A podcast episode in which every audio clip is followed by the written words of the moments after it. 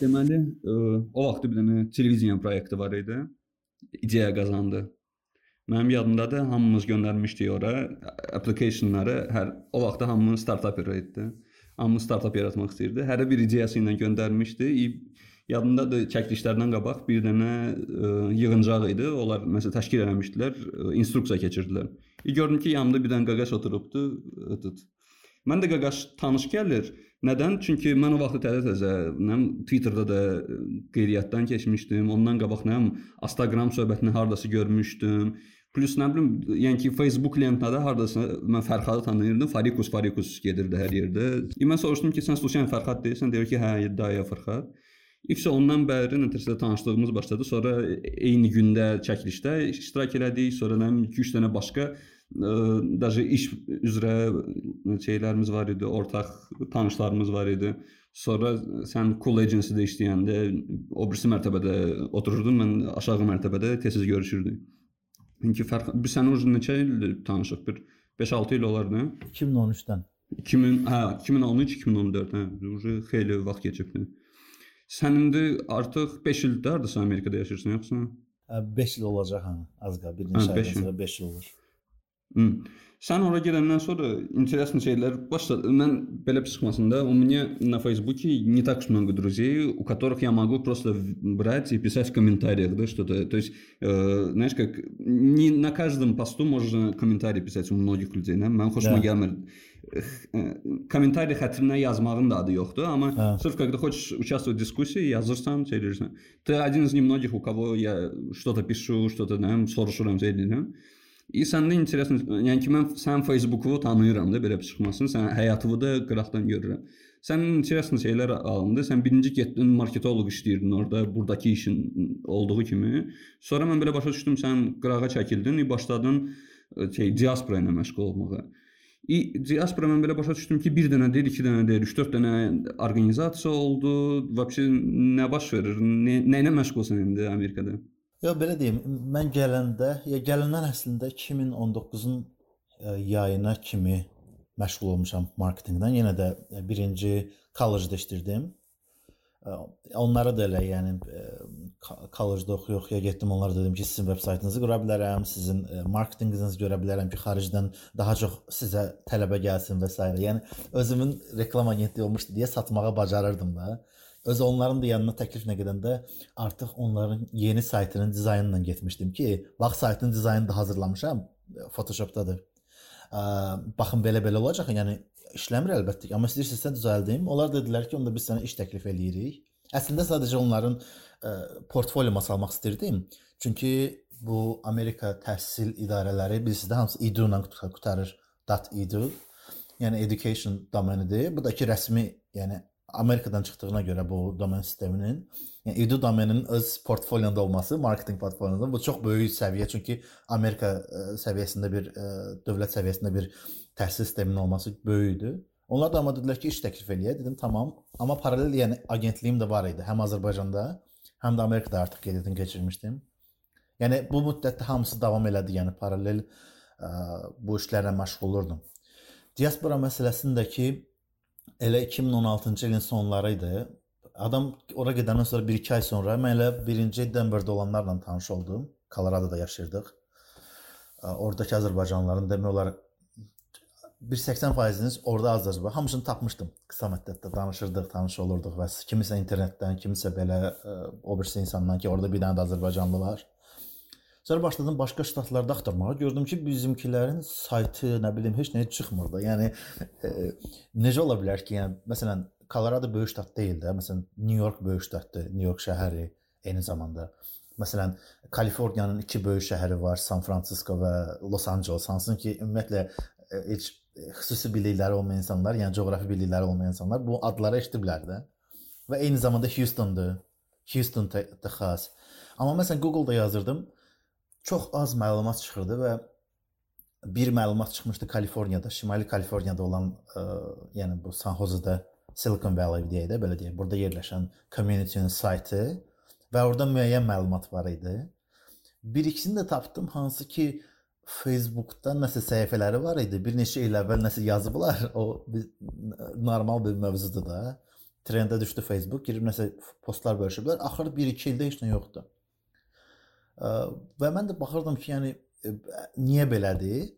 Və burada bir şeydə, bir detal da var ki, mənim bu yola gəlməyimdə bəlkə də Əlinin də rolu var, Əli Hacızadənin. Çünki Əli həmişə bu Qarabağ məsələləri ilə məşğul olurdu. Biz dost olmuşuq Bakıda da çox yaxın. Yəni demək olar bütün günü bir yerdə idik. İşdən çıxandan sonra bir yerdə idik və elə son zamanlar bir yerdə agentliyimiz var idi və məsələn mən Əlidən hər zaman erməni diasporası barədə ə, yəni hər zaman yanımda danışıb Hətta biz olub ki, biz 2012-də, 2013-də ə, məktublar imzalamışıq, göndərmişik və s. Yəni hər zaman o, onun gördüyü işin içində olmuşam. Yəni belə deyə də 2020-ci ildə baş verən hadisələrin demo versiyasını mən 2012-ci ildə, 2013-cü ildə əli ilə keçmişdim. Əlbəttə, yəni bu, bu təcrübəmiz var idi. Ona görə bura gələndə də yəni ə, mənə o tərəfi maraqlı oldu ki, bəs ə, burada bizimkilər necədir? Yəni erməniləri mən bilirəm, amma məsələn ə, e, mən əlinin yanında heç vaxt bizim diaspora barədə heç nə eşitməmişdim. Və gördüm ki, yəni eşidəcək bir şey də yoxdur. Çünki olan təşkilat, yəni artıq araşdırmaya başladım ki, olan təşkilatlar belə deyək də çox passivdirlər və yaxud nəticədə də bəlli oldu ki, ən çox onların yığıldığım belə deyək də vaxt bayramlar olur. Bu 31 dekabr ərəfəsindədir, yeni il ərəfəsidir. Əlbəttə ki, Novruz bayramı və ola bilər ki, Xocalı soyqırımı vaxtı məsələn 10-15 nəfər yığılır hardasa protest eləyir. Yəni, yəni belə də bu şəkildə və ola bilər ki, biraz isti havalar olan yaxşı və yaxud yaxşı belə bir çoxlu Azərbaycanlı olan ştatlarda piknikə yığılırlar yayda. Yəni yığılan mövzuların daha çoxu yeyib-içmək mövzuları olurdu. Azərbaycan diasporunun, yəni belə bir nəticə gəldi. Yəni elə belə deyək də bu sualı bitirmək deyim ki, yəni elə hardasa o zamanlardan başlamışdım artıq. Yəni sonradan gəlmədim deyən diaspor mövzusuna. Yəni paralel aparırdım ikisində. Hmm. Əslində bax bilirsən necə e, diaspora sən şey dedin sırf o yeyib içmə məsələsini. O ölkədən ölkəyə asılıdır. Yəni ki, bax mən məsələn e, birinci kursu şeyə Praqa gedəndə, Praqa ümumiyyətlə Çexiyada nə maksimum 2000 nəfər Azərbaycanlı olmaya o vaxt 2012-ci il. Onda hə aydın idi ki, orada nə politika qurmaq olar, yəni ki, diaspora hə yaratdın, sonra necəsən? Yəni ki, politika elmli bir şey də yoxdur da. Yəni ki, o aydındır ki, düzdür. Sonra mən orada yaşayanda bir qrup tələbə şey yaratdılar. Keçən o vaxt tələbə gənclər təşkilatı yaratdılar. O vaxt ASAP gedirdi adı. Azərbaycan Student Association in Prague idi, nə idi, nəsə belə bir şey. O kimi o vaxtdan 2-3 dənə piket zad eləmişdi hələ şəhərin mərkəzində. Ondan sonra deyirəm Çexiyanın aşağı parlamenti Xocalı soyqırımını tanımışdı. Yəni ki, işlər görülürdü də. Yəni ki, ondakı şeylə bir yerdə, səfirliklə bir yerdə girdi, qəşəng alınmışdı. Yəni ki, balaca community-də hə rahat idi. Amma e, orada yəni ki, yenə də bizim bütün yığıncaqlarımız hamısı elə yeyib içməklə bağlı idi. Novruz bayramında hə otururduq bir yerdə, Bakı restoranı var idi. Orada elə otururduq, ə, e, şənlik keçirirdik. Hətta mən sənə deyim, Novruz bayramını keçirdəndə ну, balaca bir şənlik idi. Balaca ə, e, insanların ümumiyyətlə nasıl o kimi mallı было, ona görə Qazaxlarla bir yerdə keçirmişdik. Тоже прикольно получилось, неважно. Amma Amerikada, ну, вообще ümumiyyətlə Birləşmiş Ştatlar çox böyükdür axı. И orada yəni ki, bir dənə yox, iki dənə yox, nə 10-15 dənə diaspora yaratmaq olar, diaspora orqanizasiyası yaratmaq olar. Siz vəbşə nə işlə məşğulsunuz? Biri var, bilirsən necə? Yəni hər bir diasporanın öz şeyi də var da, belə deyək. Hədəfi var. Hə. Biri politika ilə məşğuldur, biri lobbizmlə məşğuldur, o birisi nə bilim sırf insanların toplaşdığı üçün e, iş görür də, belə çıxmasın. Biz məsələn daha çox ailə şeyi idik. Yəni ki, biz politika ilə məşğul deyilik. Məsələn, şeydəki də, Çexiyadakı yəni deyirəm. Sonra mən məsələn Moskvada olanda universitetin daxilində, universitet özü kifayət qədər böyük idi. Universitetin içində də kifayət qədər çoxlu azərbaycanlı var idi. Biz sadəcə olaraq sırf özümüz üçün şey yaratmışdıq da. Yəni ki, nə lobbizmlə məşğul oluruq, nə yəni ki, bir şey lobbizmlə başqa orqanizasiyalar var idi, onlar məşğul olurdu. Siz məsələn indi mən belə başa düşdüm ki, Azərbaycan Uniondan baş qabaq səndə başqa da nəsə var idi. Yoxsa? Ay, yox, indi indi başa salacağam o nə mövzuda. Belə deyim, yəni başa düşdüm əlbəttə. Yox, belə bir şey də deyim. Yəni əlbəttə ki, Amerikada hamı yeyib içməklə məşğul deyildi. Yəni mən ümumi mənzərəni götürürəm. Yəni burada ə, siyasi işlərlə də məşğul olanlar olub, yəni indi də məşğul olurlar, bizimlə məşğul olanlar olub və universitet daxilində belə deyim də tələbə klubları da var. Məsələn, University of Washington, nə bilim, başqaları, Columbia University, elə Harvardın tələbələri, eyni zamanda bu birisi tərəfdə də Berkeley-də də işlər görülüb. Yəni burada işlər görülüb amma davamlı təşkilat olaraq, yəni fəaliyyət olaraq görülsün. Məsələn bir bir təşkilat var, USAN-dır, US Azerbaijanis Network. Onların məsələn işi, onlar burada deyirlər kateqoriyası 501-ci kateqoriya Onun 4-cü bölməsini götürüblər. O da ki, belə deyək, 3-cü bölməsi daha çox ə, e, mədəni işlərin görülməsidir. Yəni Amerikada fəaliyyət göstərən 90% və hətta 99% belə deyək, təşkilatlar 3-cü kateqoriyadadılar. Yəni bu qeyri-hökumət təşkilatının götürdüyü belə deyək də kateqoriyanın bölməsidir. Amma o təşkilat birbaşa ə, e, siyasi kateqoriyanı seçib, 4-cü yarı siyasi. Yəni buna ə, e, tam da siyasi demək olmaz, çünki ə, e, belə deyək, büdcənin 50%-ni ancaq siyasi işlərə xərcləyə bilərsən, qalanını community işlərinə xərcləməlisən. Səhv etmirəmsə, yəni hardasa ə, e, bu kimi olmalıdır.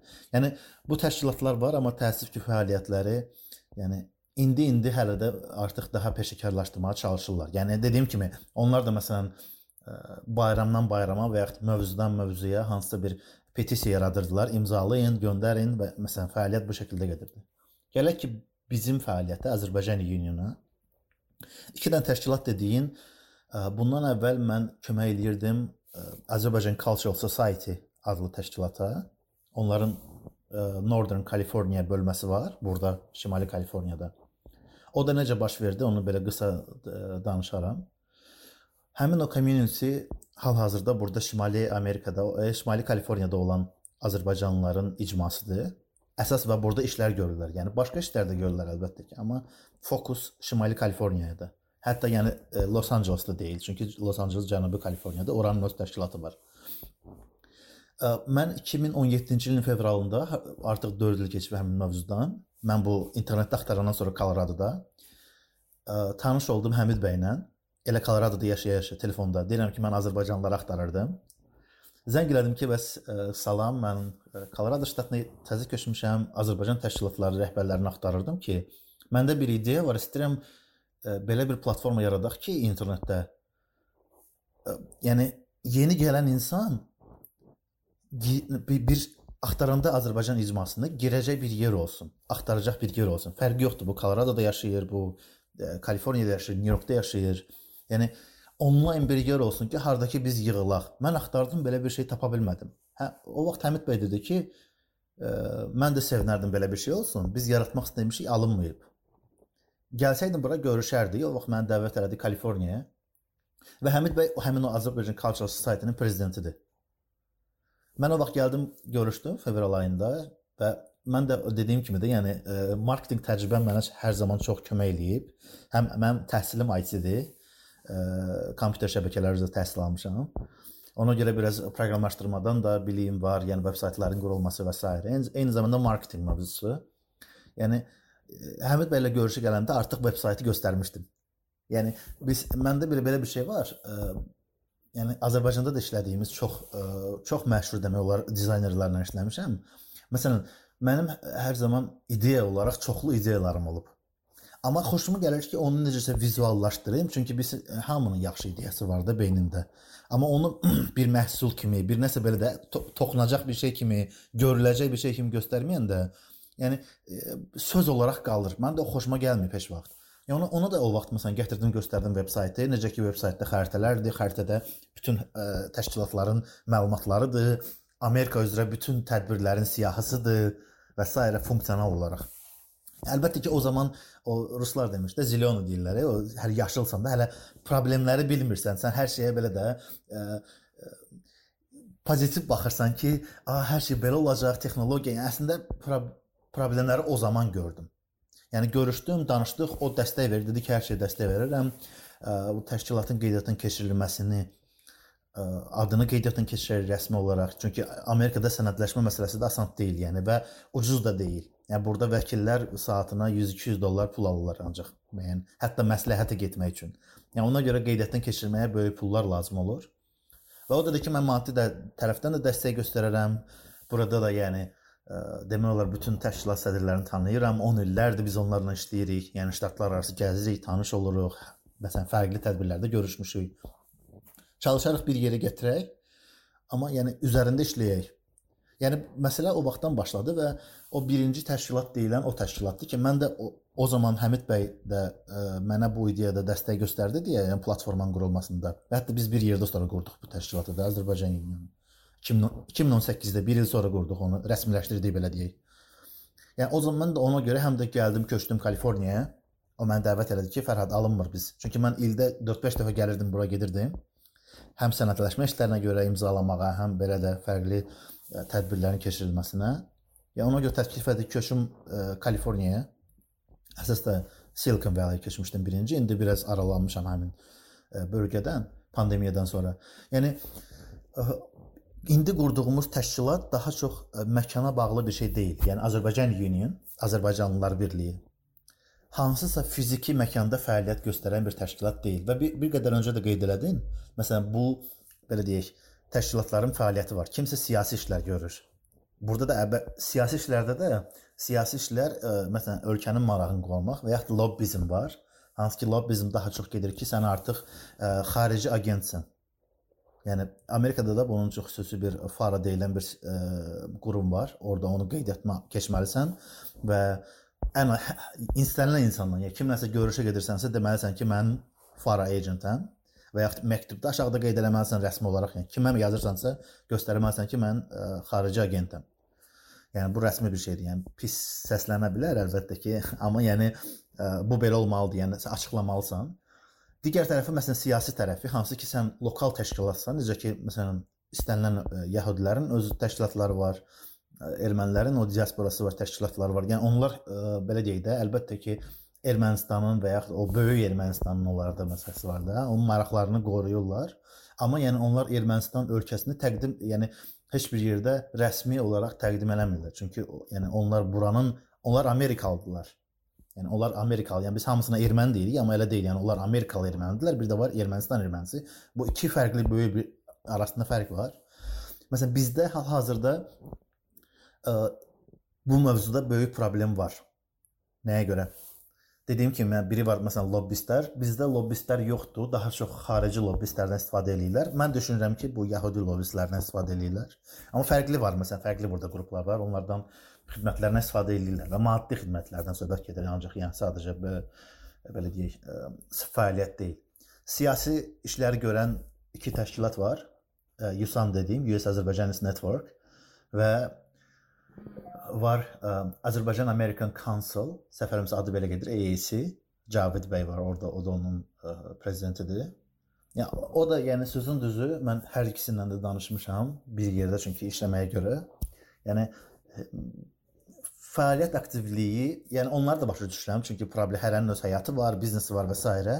Amma fəaliyyət belə deyək də yenə də o qara bayramdan qara bayrama, siyasi işlə siyasi işədir. Yəni hansısa problem olanda məktublar yazılır və s. amma davamlı getmir. İndi məsələn Yusan onun üzərində daha aktiv işləyir və mədəni təşkilatlar var, hansı ki mədəni işlər görürlər. Azərbaycan Union biraz ə, yəni birinci biz gələndə belə bir şey var, umbrella organization. Yəni sən ə, çətirsən. Çətir hansı ki onun altına hamı yığılır. Yəni sən ətrafına hamını toplayırsan. Bu əlbəttə ki çox çətin bir şeydir. Əsas da bizim insanlarla.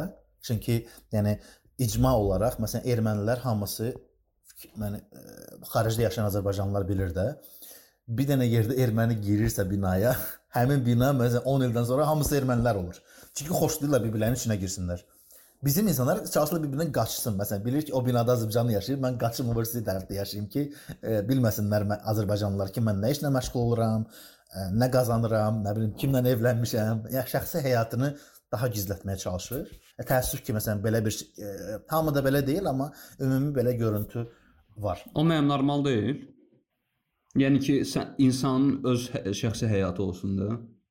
Yəni ki, bilirsən necə biri var, yəni ki, ailəlikcə dostluq eləməyə, hə də, məsələn, şəxsi həyatım var, amma ki, biz səninlə ailəvi dostluq eləyirik. Nə həyat yoldaşlarımız bir-biri ilə ünsiyyətdədirlər. O bir yana, o şəxsi dostluqdur. Biri də var ki, yəni ki, Azərbaycan Union olaraq mən niyə ki şəxsi həyatımı sizin yəni ki bir icmanıza qatmalıyam da, yəni ki belə bir qeyri-adi sual. Razve elə olması normal deyil. Yox elə deyəm, aydın məsələ, yəni mövzu sən ə, yəni mən dediyimdə şey deyildi ki, yəni insan şəxsi həyatına gəlsin, bizimlə bölüşsün.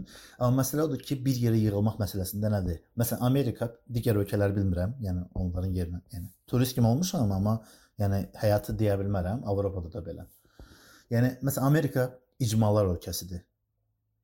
Özü çox güclü icmalar ölkəsidir. Yəni burada məsələ, yəni hansı mə- səviyyədə belə deyim? Məsələn biz Azərbaycan deyirdik ki, filan kəsin daydayı var, qabağa çəkir, nə bilim işə götürür. Yəni Amerikada eyni şeydir. Siz ə, məsələn intervyu verirlər. Yəni çox ağıllı insanları bir qırağa qoyaq da. Yəni onlar çox ağıllı insanlar. Yəni onsuz da işə düzələcək. Onu suya da atsan deyir batmayacaq da, o orada üzüb çıxacaq. Amma adi insan götürsək, məsələn bir insan gəlib intervyuya onu heç kim ora ə, dəvət eləməyib. Yəni hansısa bir işçi onu məsləhət görməyib ki, sistemdən ora gəlsin. Bir də var ki, bir nəfər məsləhət görüb. Eyni səviyyədə onlar keçirlər intervyuları və sonuncu ə, məsələn səviyyədə əlbəttə ki, hə- bütün hallarda belə deyil, amma çox hallarda belədir. Baxırlar ki, bu insanı bizə bizim işçimiz məsləhət görüb. Ona daha çox üstünlük verək. Bizim dostlarımızın da başına gəlib. Ki özü məsələn keçdiyi vaxtda keçə bilməyib, axırda biz ə, ona məsələn dəvət məktubu tapdıq işçilərdən keçdi, işə düzəldi və s. Eyni zamanda hazırlaşma mövzusunda. Yəni burada məsələn Amerikada intervyuya hazırlaşma, yəni elə deyil ki, sən yaxşı mütəxəssissən, bu işdən çıxdın, getdin o işə gir. Yox. 3 ay, 4 ay hazırlaşırlar insanlar ki, əlbəttə ki, söhbət məsələn əsas Silicon Valley deyirəm, çünki məsələn Google işə düzəlirsən, sənə fərqli sahələr üzrə intervyu eləyəcəklər. Hərəsi də bir imtahandır. Yəni imtahan universitetdə sa- hazırlaşdığın kimi intervyuya hazırlaşırsan. Məsələn 1 ay və yaxud 2 həftə. Məsələn növbəti 2 həftəni növbəti intervyuya hazırlaşırsan. Yəni məsələn də e, söhbət fonu, yəni telefon üzərində olan intervyudan getmir. Yəni mərhələlərdir. HR-la görüşmüsən, sonra görüşəcəksən məsələn texnolo texnologiya departamenti rəisindən, sonra marketinqin rəisindən və bu da hamısı fərqli sahələrdir. Yəni bunların hamısında icmanın üzvləri, yəni sənə gəlib başqa heç kim kömək eləməyəcək ki, sənə icma kömək eləyəcək. Eyni mövzuda məsələn biznes olsun. Yəni sən biznes açırsan, sənin birinci müştərilərin sənin icmanın içindən olur. Çünki onlar gəlmirlər ora dadlı yemək üçün, nə bilim onlar gəlmirlər ora ki, əladır. Çünki sən zaten sıfırdan başlamısan.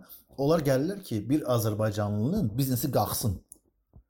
Biz bunu dəstək verək 3 ay. Gedək məsələn hə, heç olmasa həftədə bir dəfə yemək yeyək, nəsə alaq. Məsələn mən çörək alıramsa başqa yerdən, yox, indi burdan alacağam çörəyi, çünki buna yaxşı. Hətta çörəyi biraz pis olsa belə, məsləhət görürsən ki, bunu düzəlt, mən səndən alacağam. Yəni e, məntiq güclü icmalarda belədir Amerikada.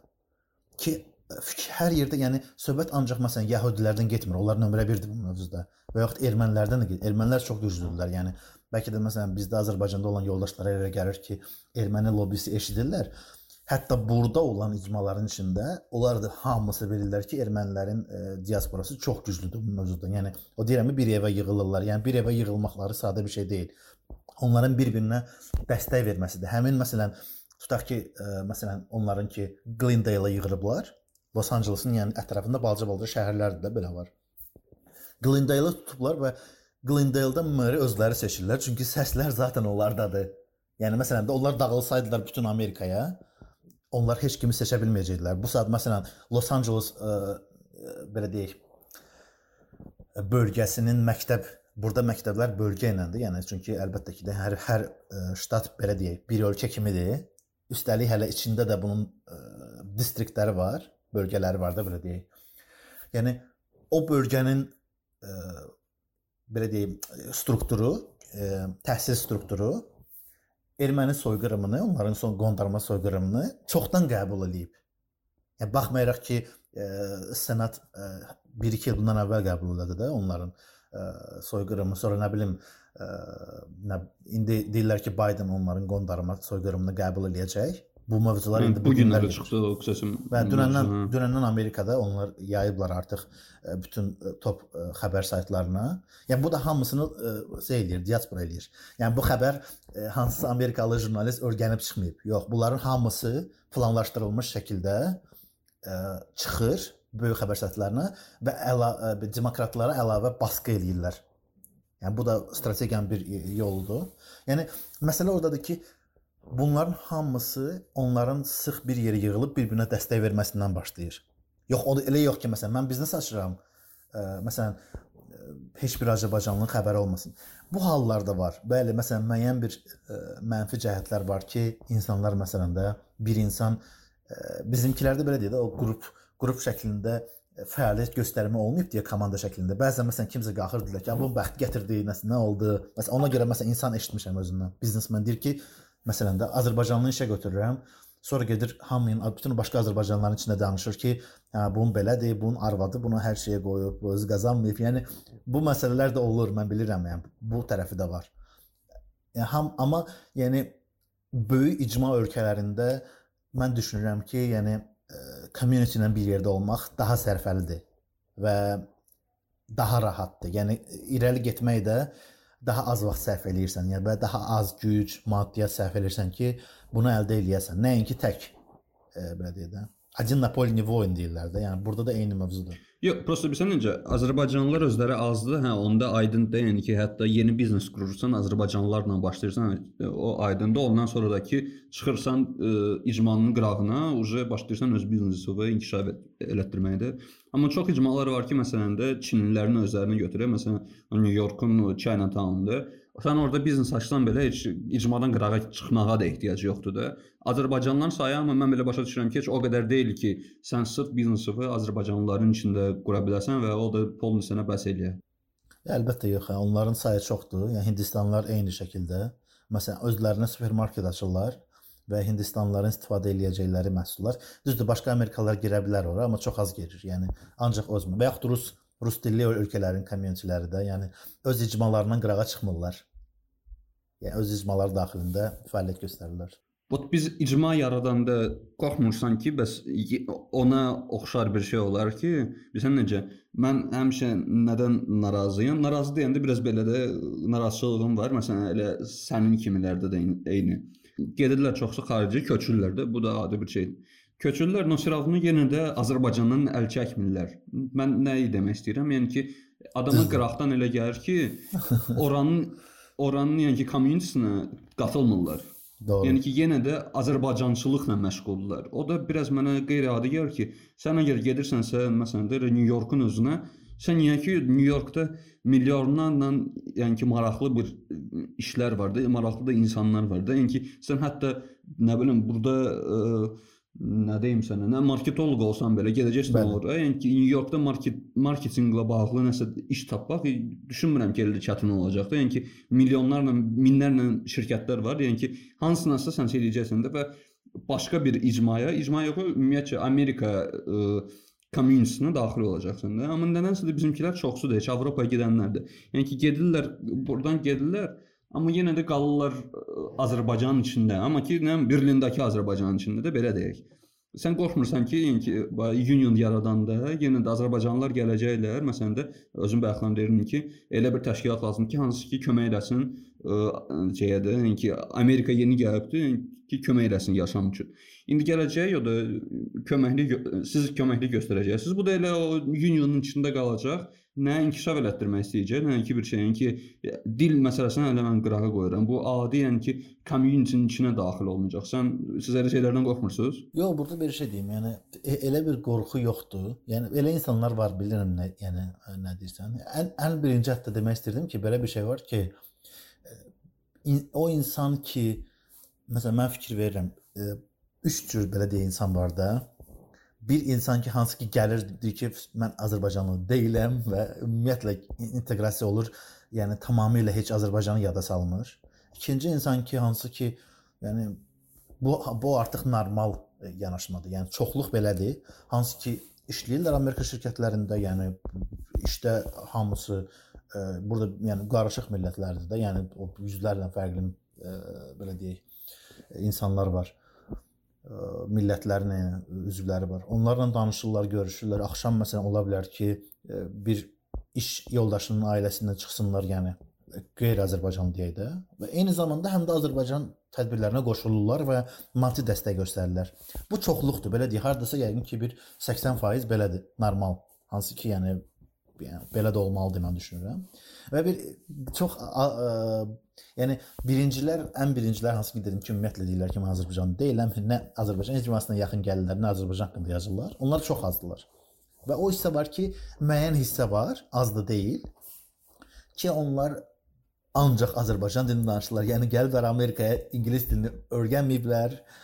Heç öyrən, yəni 10 ildə adam burdadır. Adam deyir ki, mən öyrənmirəm, yəni. E, mənə lazım deyil. Məsələn, ola bilər ki, hansı ki hətta məsələn ə, yəni elə sahələrdir ki, məsələn, alış-verişdir və ya müəyyən ə, insanı anladacaq dildə öyrənib, qarşısındakına məsələn hansısa bir məhsulu satacaq dili, dili öyrənib adi bir neçə məsələn e, cümləni, yəni bir neçə cümlə deyil əlbəttə ki, çoxdur, indi sadəcə heçdə hə, hə. nümunə deyirəm və o o səviyyədə saxlayıb və onların yığıldığı məsələn axşam evə gələndə gedib çayxanada otururlar yenə özünkilərlə, ya yığılırlar bir yerdə yeyirlər, içirlər. Yəni mövzu ancaq onun içindədir və əlbəttə ki, ə, e, yəni bütün gündə mövzuları Azərbaycandır. Və yəni mən ə, e, amma ən vacibi orasıdır ki, yəni hamımız sonunda yəni bura gələnlər Hətta birinci qrup hansı ki qeyd elədim ki, gəlirlər ümumiyyətlə deyirlər ki, mən Azərbaycandan deyiləm, yəni tam e, bura inteqrasiya eləyirlər, tamam tam inteqrasiya, yəni e, öz belə deyək köklərindən ayrılırlar. Onlar belə heç zaman immiqrant olmaqdan çıxmayacaqlar.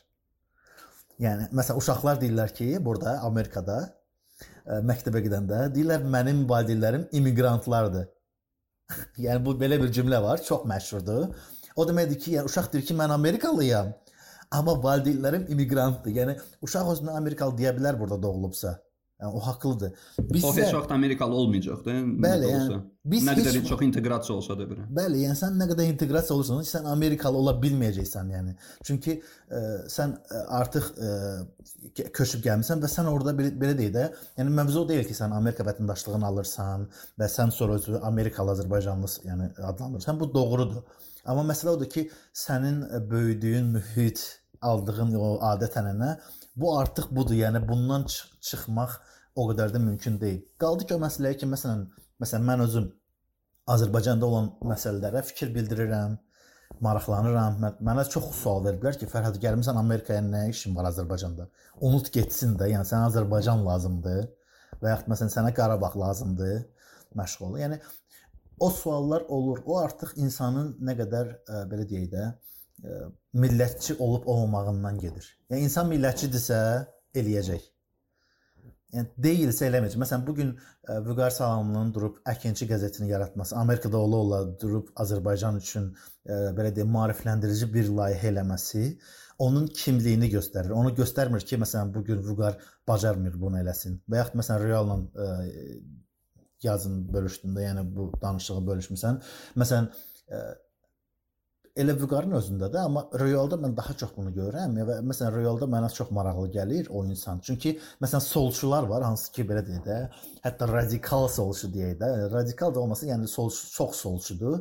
Məsələn, hər şey, yəni yeniliyə çox açıqdır da, yəni bütün mövzularda olsun, məsələn, LGBT community dəstək versin, onu, bunu, yəni fərqli mövzularda ə, e, çox sərt inkişafa açıq olsun birbaşa, yəni yeniliyə, tam yeniliyə açıq olsun və eyni zamanda millətçi olsun. Bunu görmək, yəni biraz hə, hə çətin yəni, bir şeydir əslində. Hə, çətindir. Məsələn, mən realda onu görürəm ki, məsələn, o birisi yoldaşları da görmürəm. Çox indi hamısının adlarını çəkmək istəmirəm. Onlar məsələn elədilər, amma millətçilik mövzusunda mən hətta özləri ilə danışmışam. Amerikada olanlardan da söhbət gedir. İcma mövzusunda. Yəni Deyirlər, hə, yaxşı ideyadır, amma görürəm ki, soyuqdular mövzuya. Başa yəni onlara maraqlı deyil Amerikada Azərbaycan diasporu. Amma məsələn, real məsələsində mən hətta bir mövzuda biz ə, Clubhouse-da olanda Nizami Gəncəvi mövzusu gəldi və deyim dediyim bu solçulardan biri dedi ki, o yəni şey deyil, Azərbaycanlı deyil. o da dirəşmişdi ki, yox Azərbaycanlıdır. Biz sual-cavab oyunu oynayırdıq. Yəni ona gətirdi ki, yəni Azərbaycanlıdır. Yəni məsələn Azərbaycan ə, e, və türkdür, Gəncədəndir. Yəni o söhbəti farsdır, türkdür məsələsi gedirdi.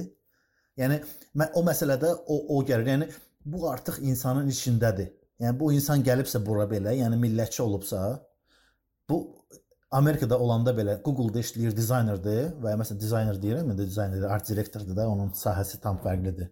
Ə, e, qrafik dizayn deyil. Ə, e, və yaxud digər olsun, bizdə burada adamlar var, proqramçıdır və məsələn də Amazonda işləyir və yaxud Facebookda işləyir. Amma Azərba Azərbaycan mövzusunda çox aktivdir. Yəni oranın mövzuları haqqında hər gün yazır. Yəni bu o demək deyil ki, o bura inteqrasiya eləməyib. Yox, onlara heç bir sual yoxdur əslində. Yəni ki, biz necə bu mən nabart elə insanlara alqışlayıram ki, nə görə? Çünki bu inteqrasiyadan yəni ki, bu o qədər iş görür ki, yəni ki, başa düşürəm, inteqrasiya özü çətin bir şeydir. Mən Moskvada yaşayanda da özüm onu, tim bolе özün də yaxşı bilirsən də rusların, azərbaycanlılara o Çirnajov zət məsələsi inteqrasiya eləmək kifayət qədər çətin bir şeydir əslində. E, onu görürəm. E, mən onları alqışlayıram. Nə görə? Çünki inteqrasiya özü çətin bir şeydir sən inteqrasiya olmursan, sən hələ bir ə, Azərbaycan üçün kontent yaratmağı və yaxud Azərbaycan üçün nəsə gördüyün işlər, yəni ki, sən əgər ona vaxt tapa bilirsənsə, bu alqışdan başqa heç nə şey deyil. Yəni ki, burada təkcə alqış alqışlamaq olar, başqa heç nə bir şey demək olmur. Mən isə elə insanları nəzərdə tuturam. Heç hətta politi miqrantlar da yox. Yəni ki, bilirsən necə, məsələn, sən də qıraqdan necə görsən də, də çox adam bilmir ki, sən marketinqlə də kifayət qədər çoxlu məşğul olmusan, Amerikanın özündə də, nə bilim, bizneslə də. Amma ki, qıraqdan necə görsən, qıraqdan görsənər ki, Fərhad gedibdi ora, nə tərsə də gedibdi, o işim nevajna. Amma ki, indi yenə də Azərbaycançılıqla məşğuldur. Yəni ki, bu bunun işidir. Onların işi proqramçıdır, dizaynerdir və s.dir. Onlar bundan başqa bu Azərbaycançılığı görürlər də. Amma qıraqdan səndə elə görsən ki, yox, mən təkcə Azərbaycançılıqla məşğulam. Sonra yəni ki, mənə bu çatmır ki, onlar gedirlər, hə, tolka bunu ilə məşğuldurlar. Yəni ki, sənin başqa problemin yoxdur orada yaşaya-yaşaya. Sən o get onu həll elə də. Yəni ki, yenə də Azərbaycandan niyə yapışmısan ki, mənə bu çatmır da. Azərbaycanda cüzi bir problem olursa, sən orada ola-ola bu problemi niyə çözməyə nəsə eləmək istəyirsən də, get oradakı öz problemlərini həll elə. Məsələn, nə yaşam həll problemlərini həll elə. O biraz mənə belə dissonans yaradır ki, bəs Вам что делать нечего? Идите занимайтесь своими делами там да внутри. Ya, mən onda ə, o tərəfində deyim. Məsələn, Ləbiyev vüqarın məsələsini gətirdiyim adam orada otur-otur əkinci əkinçi ilə məşğul olur. Çünki internet mən həmişə bunu demişəm ki, məsələn, ola bilsəydi ki, məsələn, ADR-in dövründə ki, bu ə, e, insanlar köçməyə məcbur qaldılar, ə, e, Sovetlər gələndə. Məsələn, onların ə, e, işi çox çətin idi, çünki onlar ə, içərinə, içəriyə hər hansı bir işlə düzdür çalışıblar, amma dəyişmə gücləri o qədər də yox idi. Yəni məsələn Amerikada otura-otura icmanın orada nə isə dəyişsin Sovetlərdə çox az idi, amma internet indi bizə çox böyük imkan verir və hətta internet o imkanı verir ki, məsələn mən bu gün oturmuşam Kaliforniyadayam, kimsə Bakıdadır, fərqi yoxdur. İkimiz də eyni işi görə bilərik e, insanlar üçün. Çünki yəni o maksimum üstünlüyü odur ki, o gedib fiziki yığa bilər insanları 100 nəfəri, məsələn, bir zala və yaxud da 1000 nəfəri. Amma mən də eyni zamanda 1000 nəfəri Zoom-la yığa bilərəm. Yəni e, dəyişəcək xüsusi bir şey olmur. Ona görə yəni indiki mövzu biraz fərqlidir. Məsələn, mənim özümdə də doğrudur. Yəni məsələn ötən il mən hətta vaxtımın çox hissəsini Azərbaycan Union-a ayırdım. Çünki biz aprelin ortalarında bunu elan elədik. Elə düz hardasa 1 il bundan əvvəl idi. Biz platformanı 2018-dən 2017-dən başladıq işləmək üstündə. 2020-yə kimi biz 3 il Yəni istən orasını danışım, gələcəm nəyə görə bu ə, bu baş verir. Nəyə görə elə görsənir ki, məsələn Fərhadın işi gücü yoxdur, oturub Azərbaycan işlərlə məşğuldur da, Amerika inteqrasiya ola bilmir. Biz 3 il 2017-dən 2020-nin 2017-nin fevralından 2020-nin aprelinə kimi mən Amerikanı başladım gəzməyə. Yəni necə ki getdim Həmid bəylə görüşdüm birinci görüşdə. Eyni şey getdim New Yorkda Tomris xanımla görüşdüm, oranın icması ilə. Sonra başqa ştatlar, başqa ştatlar, başqa ştatlar və eyni mövzunu danışmağa, eyni təklif verməyə ki, gəlin bir yerə yığılaq, bu platformanı quraq, e, eləyək və aydın məsələdir ki, hər gün yox da, yəni mən öz biznesim var, yəni 2-3 e, fərqli şirkətin işlərini görürdüm. Eyni zamanda, yəni öz öz reklam agentliyim var idi, bir e, türklərin biznesini götürmüşdüm, marketinq onların işlərini görürdüm. Bir də onlayn satışlar, onları onlayn platformalara çıxartmışdım və college.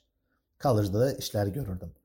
Və əlbəttə ki, e, müəyyən 2 aydan bir, 3 aydan bir səyahətlər edirdim. Yəni tutaq ki, yəni mən belə deyim də, bir insan Miami-yə gedəndə o, o ancaq düşünür ki, necə getsin, klubları gəzsin, getsin ə, e, Miami çimərliyində gəzsin.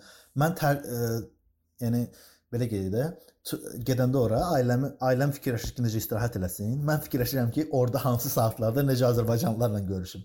yəni bu bu yenə də də insanın tipindən asılıdır və istirahətə gedəndə məsələn tutaq ki, Nyu-Yorka gedirik Tomris xanımla görüşməyə. Mən deyirəm ki, yoldaşıma, baxın biz orada 4 gün olacağıq. Onun bir gününün axşamını biz bir tədbirdəyik. Azərbaycanlıların olan tədbirdə. Yəni o günə heç nə planlamayın. Qalan 3 günü biz istirahət edib gəzə bilərik. Gedək, nə bilim, Times Square-də görək, nə bilim, orada ə, belə müstəqillik ə, nə deyirlər, ə, yadımdan çıxdı adı nə? Status the liberty. Hə, hə, sta status söz yadımdan çıxdı. Nəysə, yadıma çıxdı deyirəm. Mən də hərdən sözləri unuduram. Yəni oranı qədər görə digər yerlər görək, amma bir günü mən bura gedəcəm. Yəni o şəkildə məndə də baş verib. Yəni o, o demək deyil ki, mən getmişəm New Yorka, ancaq tədbirə getmişəm və tədbirdən çıxacağam, qayıdacağam. Yəni bu o zaman indi ola bilər. Məsələn, indi ezamiyyətə gedirəmsə mən Azərbaycan Union işləri ilə bağlı, məsələn, gedirəm, görüşürəm. Məsələn, Houstona getdim mən bu yaxınlarda, 1-2 həftə bundan əvvəl. Houstona düşdüm, ə, belə deyək də, Houstona 3-4 nəfərlə görüşdüm. Təzədən gəldim, oturdum və geri qayıtdım. Başa düşdünüz? Yəni mövzu odur ki, heç yeri gəzməmişəm Houstonda məsələn. Mən Houstonda olmuşam, amma heç yeri gəzməmişəm. Özü 2 dəfə. Yəni hər 2 dəfədə də ki, ancaq görüşlərdə olmuşam. Bu ayrı mövzudur. Amma yəni bundan əvvəlki ə, belə deyək, səyahətlərində o sistemi quranda bizim işimiz yəni yarı-yarı məsələsi gedirdi ki, o şəkildə eləyirdik və amma bir problem var. Nəyə görə biz vaxtımızı daha çox qoyuruq? Məsələn, mən özüm nəyə görə yazıram, nə görüşlər görürəm. Bir Azərbaycanda problemlər var. İki, burada diasporada problemlər var. Məsələn, mən görüşəndə insanlarla 90% dedi ki, yox, biz bir təşkilat istəmirik. Biz istəyirik ki, hərəmiz öz təşkilatımız olsun, hərəmiz öz işlərimizi görək. Siz bizim işlərə qatılmayın. Yəni bu, bu çətir təşkilatı nə deməkdir? Çətir təşkilatı hamını bir yerə yığanda burada gərək artıq bir fikir olmur. Yəni hərəsi prezidentdir təşkilatının. Gərək onlar artıq ümumi bir fikrə gəlsinlər. Burada da nə gəlir? Burada demokratik se, belə deyək, seçim sistemi olmalıdır, fikir sistemi olmalıdır. Çünki hərəsin hərəsidir ki, məsələn, biridir ki, ağdır, biridir qaradır, biridir sarıdır. İndi sən bu 3 dənə ə, prezidentdir elə eləməlisən ki, bunlar üçü də desinlər ki, məsələn, ikisi deyibsə ağdır, o birisində də deyəsən ki, ağdır. O deyir, yox, məsələn də mən dedim sarıdır da, yəni məsələn, o birisi dedi qaradır, fikrini dəyişdi, mən dəyişmirəm. Yəni bu çətinlik bizdə var. Amma ə, yəni məsələn mən o 3 ili itirməyə bilərdim əslində. Hansı ki o dediyim o 2017-dən 2020-yə kimi. O onu biz 2018-də qeydiyyatdan keçirmişdik, başlaya bilərdik. Amma ona görə başlamadıq ki, insanlar birləşmək istəmədilər. Və biz başqa yolu seçdik. Biz o yolu seçdik ki, o insanlar ki bizə birləşmək istəyir və biz məsələn hardasa 20 ştatdan çox 20 ştatdan çoxu və onların da cəmi ikisi, üçü böyük ştat idi. Qalan hamısı balaca ştatlar idi hansı ki birbaşa razılaşdılar ki, biz razıyıq. Onlardan nümayəndələr seçdik, bir məclis yaratdıq. Demokratik seçkilər olacaq bir məclis və s. Yəni o, o seçilən insanların üçün də biz indi bir sistem yaradırıq. Amma sistemi elə yaratdıq ki, kim qoşulmaq istəyir, yəni bizim ideyamız bəyənirsə, gəlin bu platformanı quraq. Biz platformanı qurduq, birlik platformasıdır. Və o təşkilatlar ki, bizə qoşulmadılar, onlar gördülər ki, onlar çətirdən qıraqda qaldılar. Biz siz çətirin altında təsəvvür edin ki, 20 nəfər var, iş görürlər. Və baxırlar ki, məsələn 7 nəfər də var, hansı ki qıraqda qalıb, baxırlar ki, o çətir orada ə, yəni altına keçə bilmirlər. Və bizim bəxtimiz bir şey gətirdi ki, biz onu aprel ayında başladıq, axır ki başladıq da, yəni sistemi işə saldıq. Dedi ki, hətta o birisi təşkilatlar qoşulmasa belə bizim üçün fərqi yoxdur. Biz işimizi görəcəyik. Məqsəd də ki, nə idi? İnsanları birinci bir yerə toplamaq. Yəni ən birinci məqsədimiz insanlardır. Çünki bizim adımız Azərbaycanlılar Birliyidir. Yəni bizim adımız Azərbaycan ölkəsindən bağlı deyil. Və bir şey də var ki, ə, yəni ancaq ə, Azərbaycan Respublikasından söhbət getmir.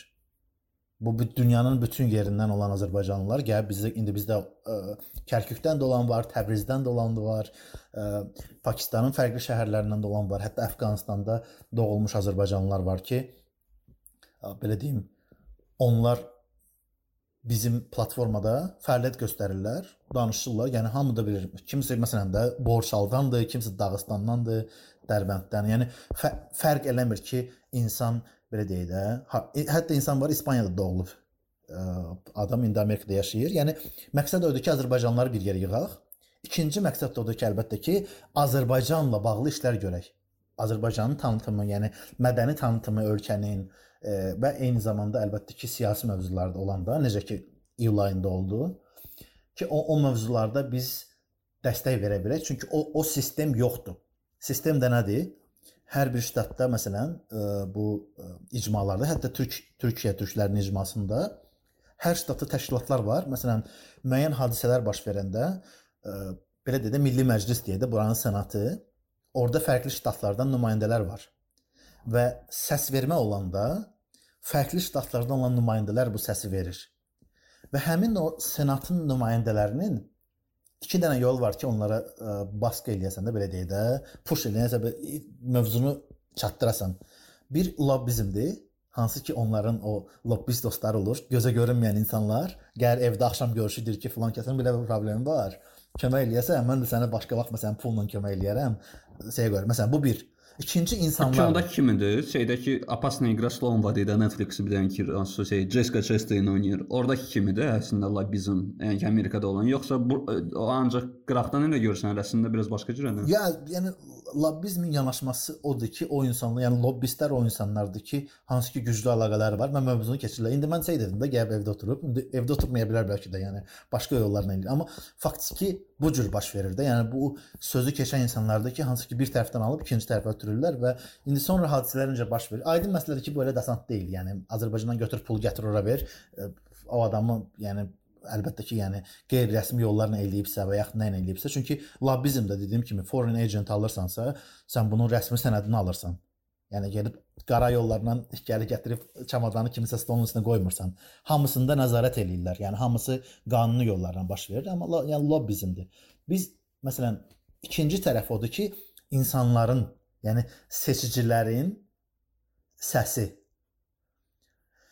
Bu bu seçicilərin səsi olan tərəf lokal tərəfdir. Yəni məsələn də bizim təşkilat Azərbaycandan heç vaxt pul almayıb. Və biz demişik ki, biz almayacağıq, yəni. Yoxdur. Amma lokal məsələn tutaq ki də belə deyim də, məsələn Houstonda məsələn 20 min azərbaycanlı yaşayır. Məsələn.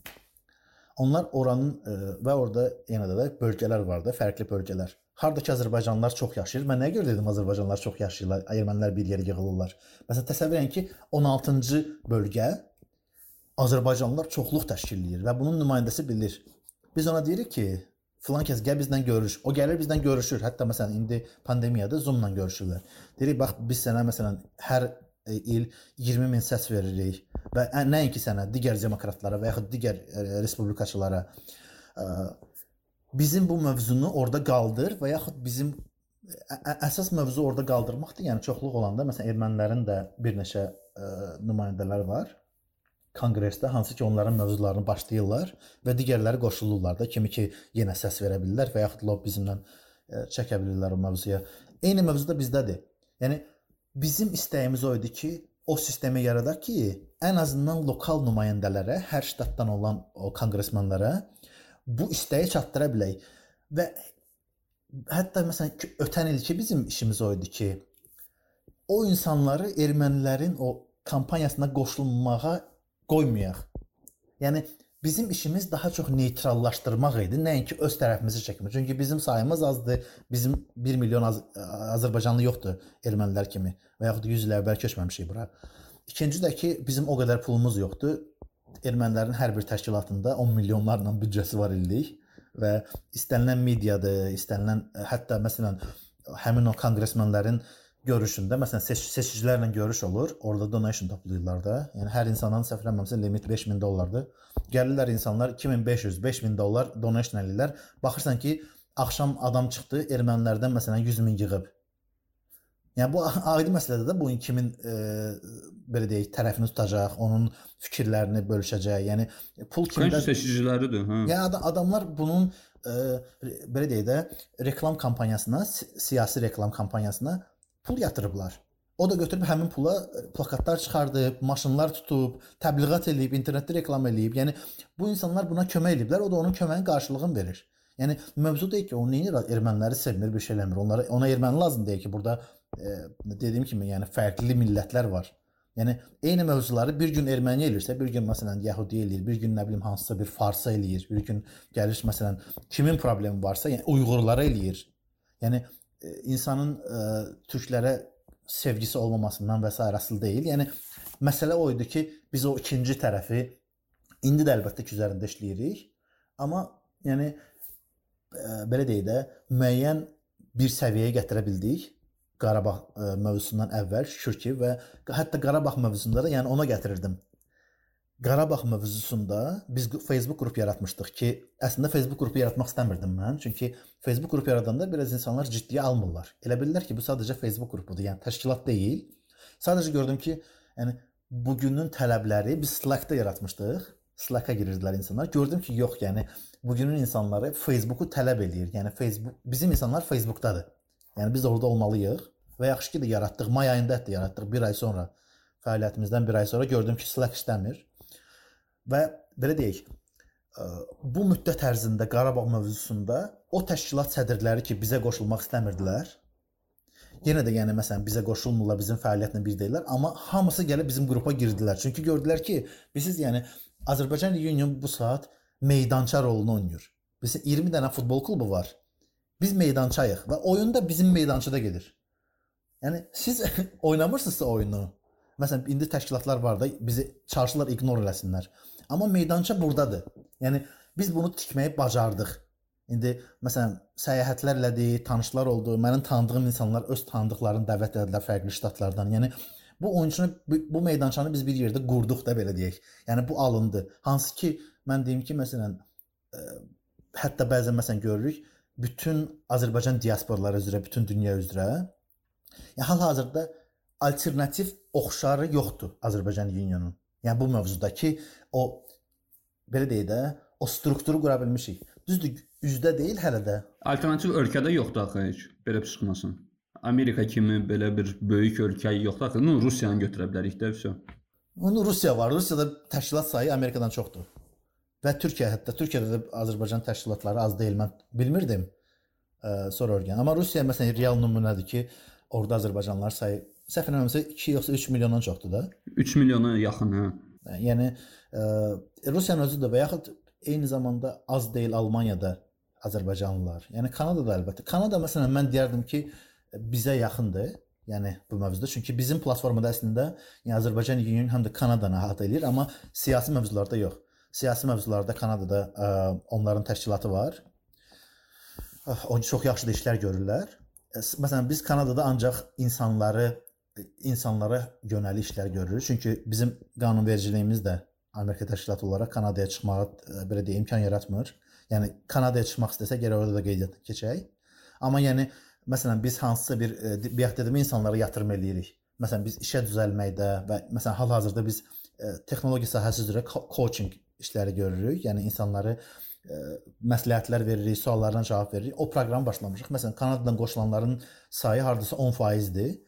Qalan hamısı 90% Amerikada, amma yenə də yəni ə, Kanadada da əhatə olur.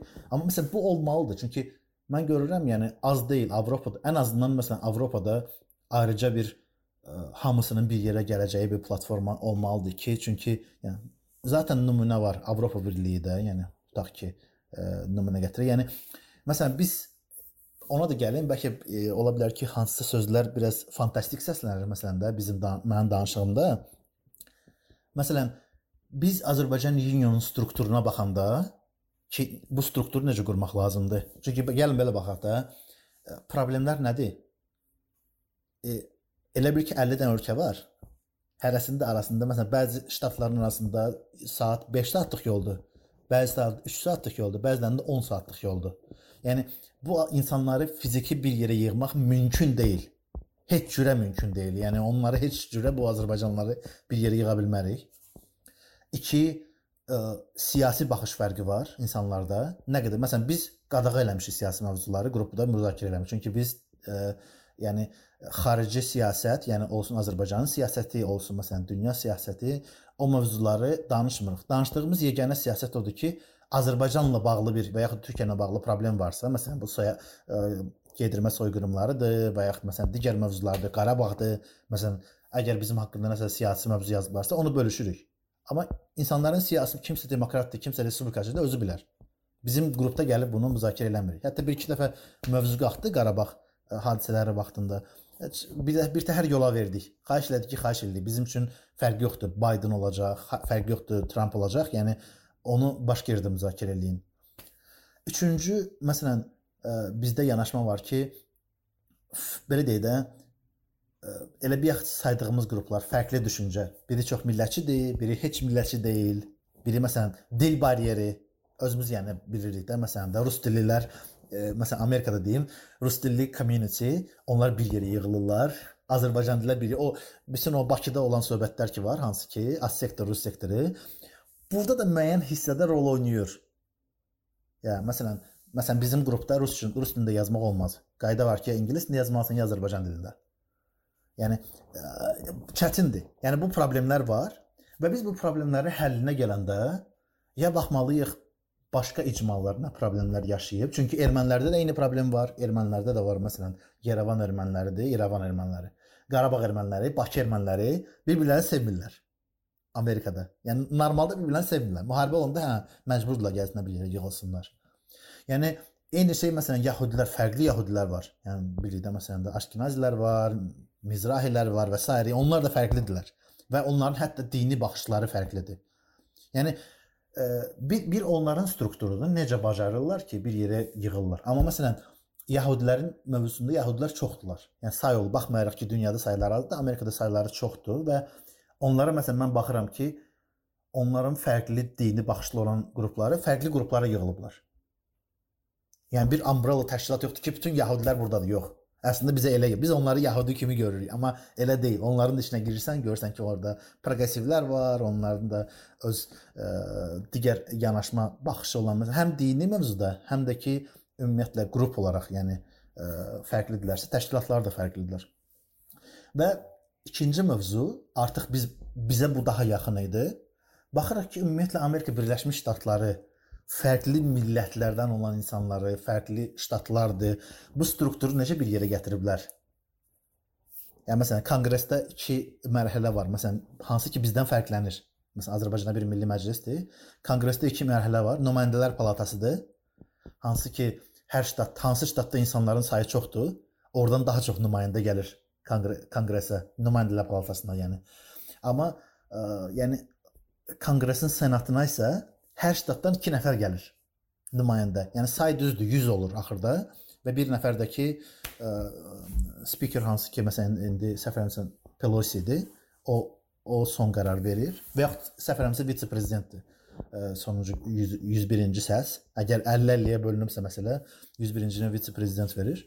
Yəni biz daha çox o struktura getdik, amma biraz hibrid halına getmişik və hələ məsələn bunu deyim, bu strukturu verməmişik. Amma məsələn mənim yanaşmamda odur ki, ə, e, bu demokratik birlik platformasında müəyyən addım atdıq. Məsələn, qrupda biz məsələn də mövzu edirik ki, hansı dillər olsun. Məsələn, deyirik ki, məsələn, Azərbaycan, rus, ingilis dilləri olsun və müzakirəyə çıxardırıq. Məsələn, biz təklif edirik ki, Azərbaycan dili və ingilis dili rəsmi dillər olsun.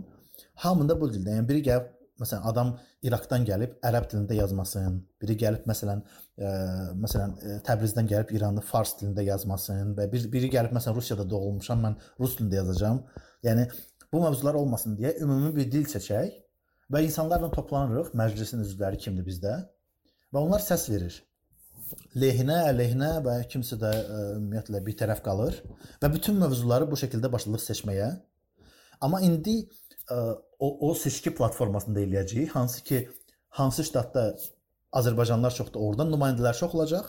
Amma belə deyək də, konqresin senatı ilə nümayəndələr palatasının formatını, yəni strukturun belə də idarə etmə tərəfini olaraq qəbul elədik. Və eyni zamanda əlbəttə ki, necə ki məsələn burada var ə, Ağ ev, bizdə də var ə, idarə etmə komandası hansı ki təşkilatın o ə, board of membersdir. Adi bütün təşkilatlar belə qeydini keçirdi. Yəni burada idarə etmə ə, belə deyək komandası var, hansı ki qərarları məsələn 7 nəfərdir, 9 nəfərdir onlar verirlər. Biz indi çalışırıq ki, o strukturu yaradaq ki, 2 dənə olsun.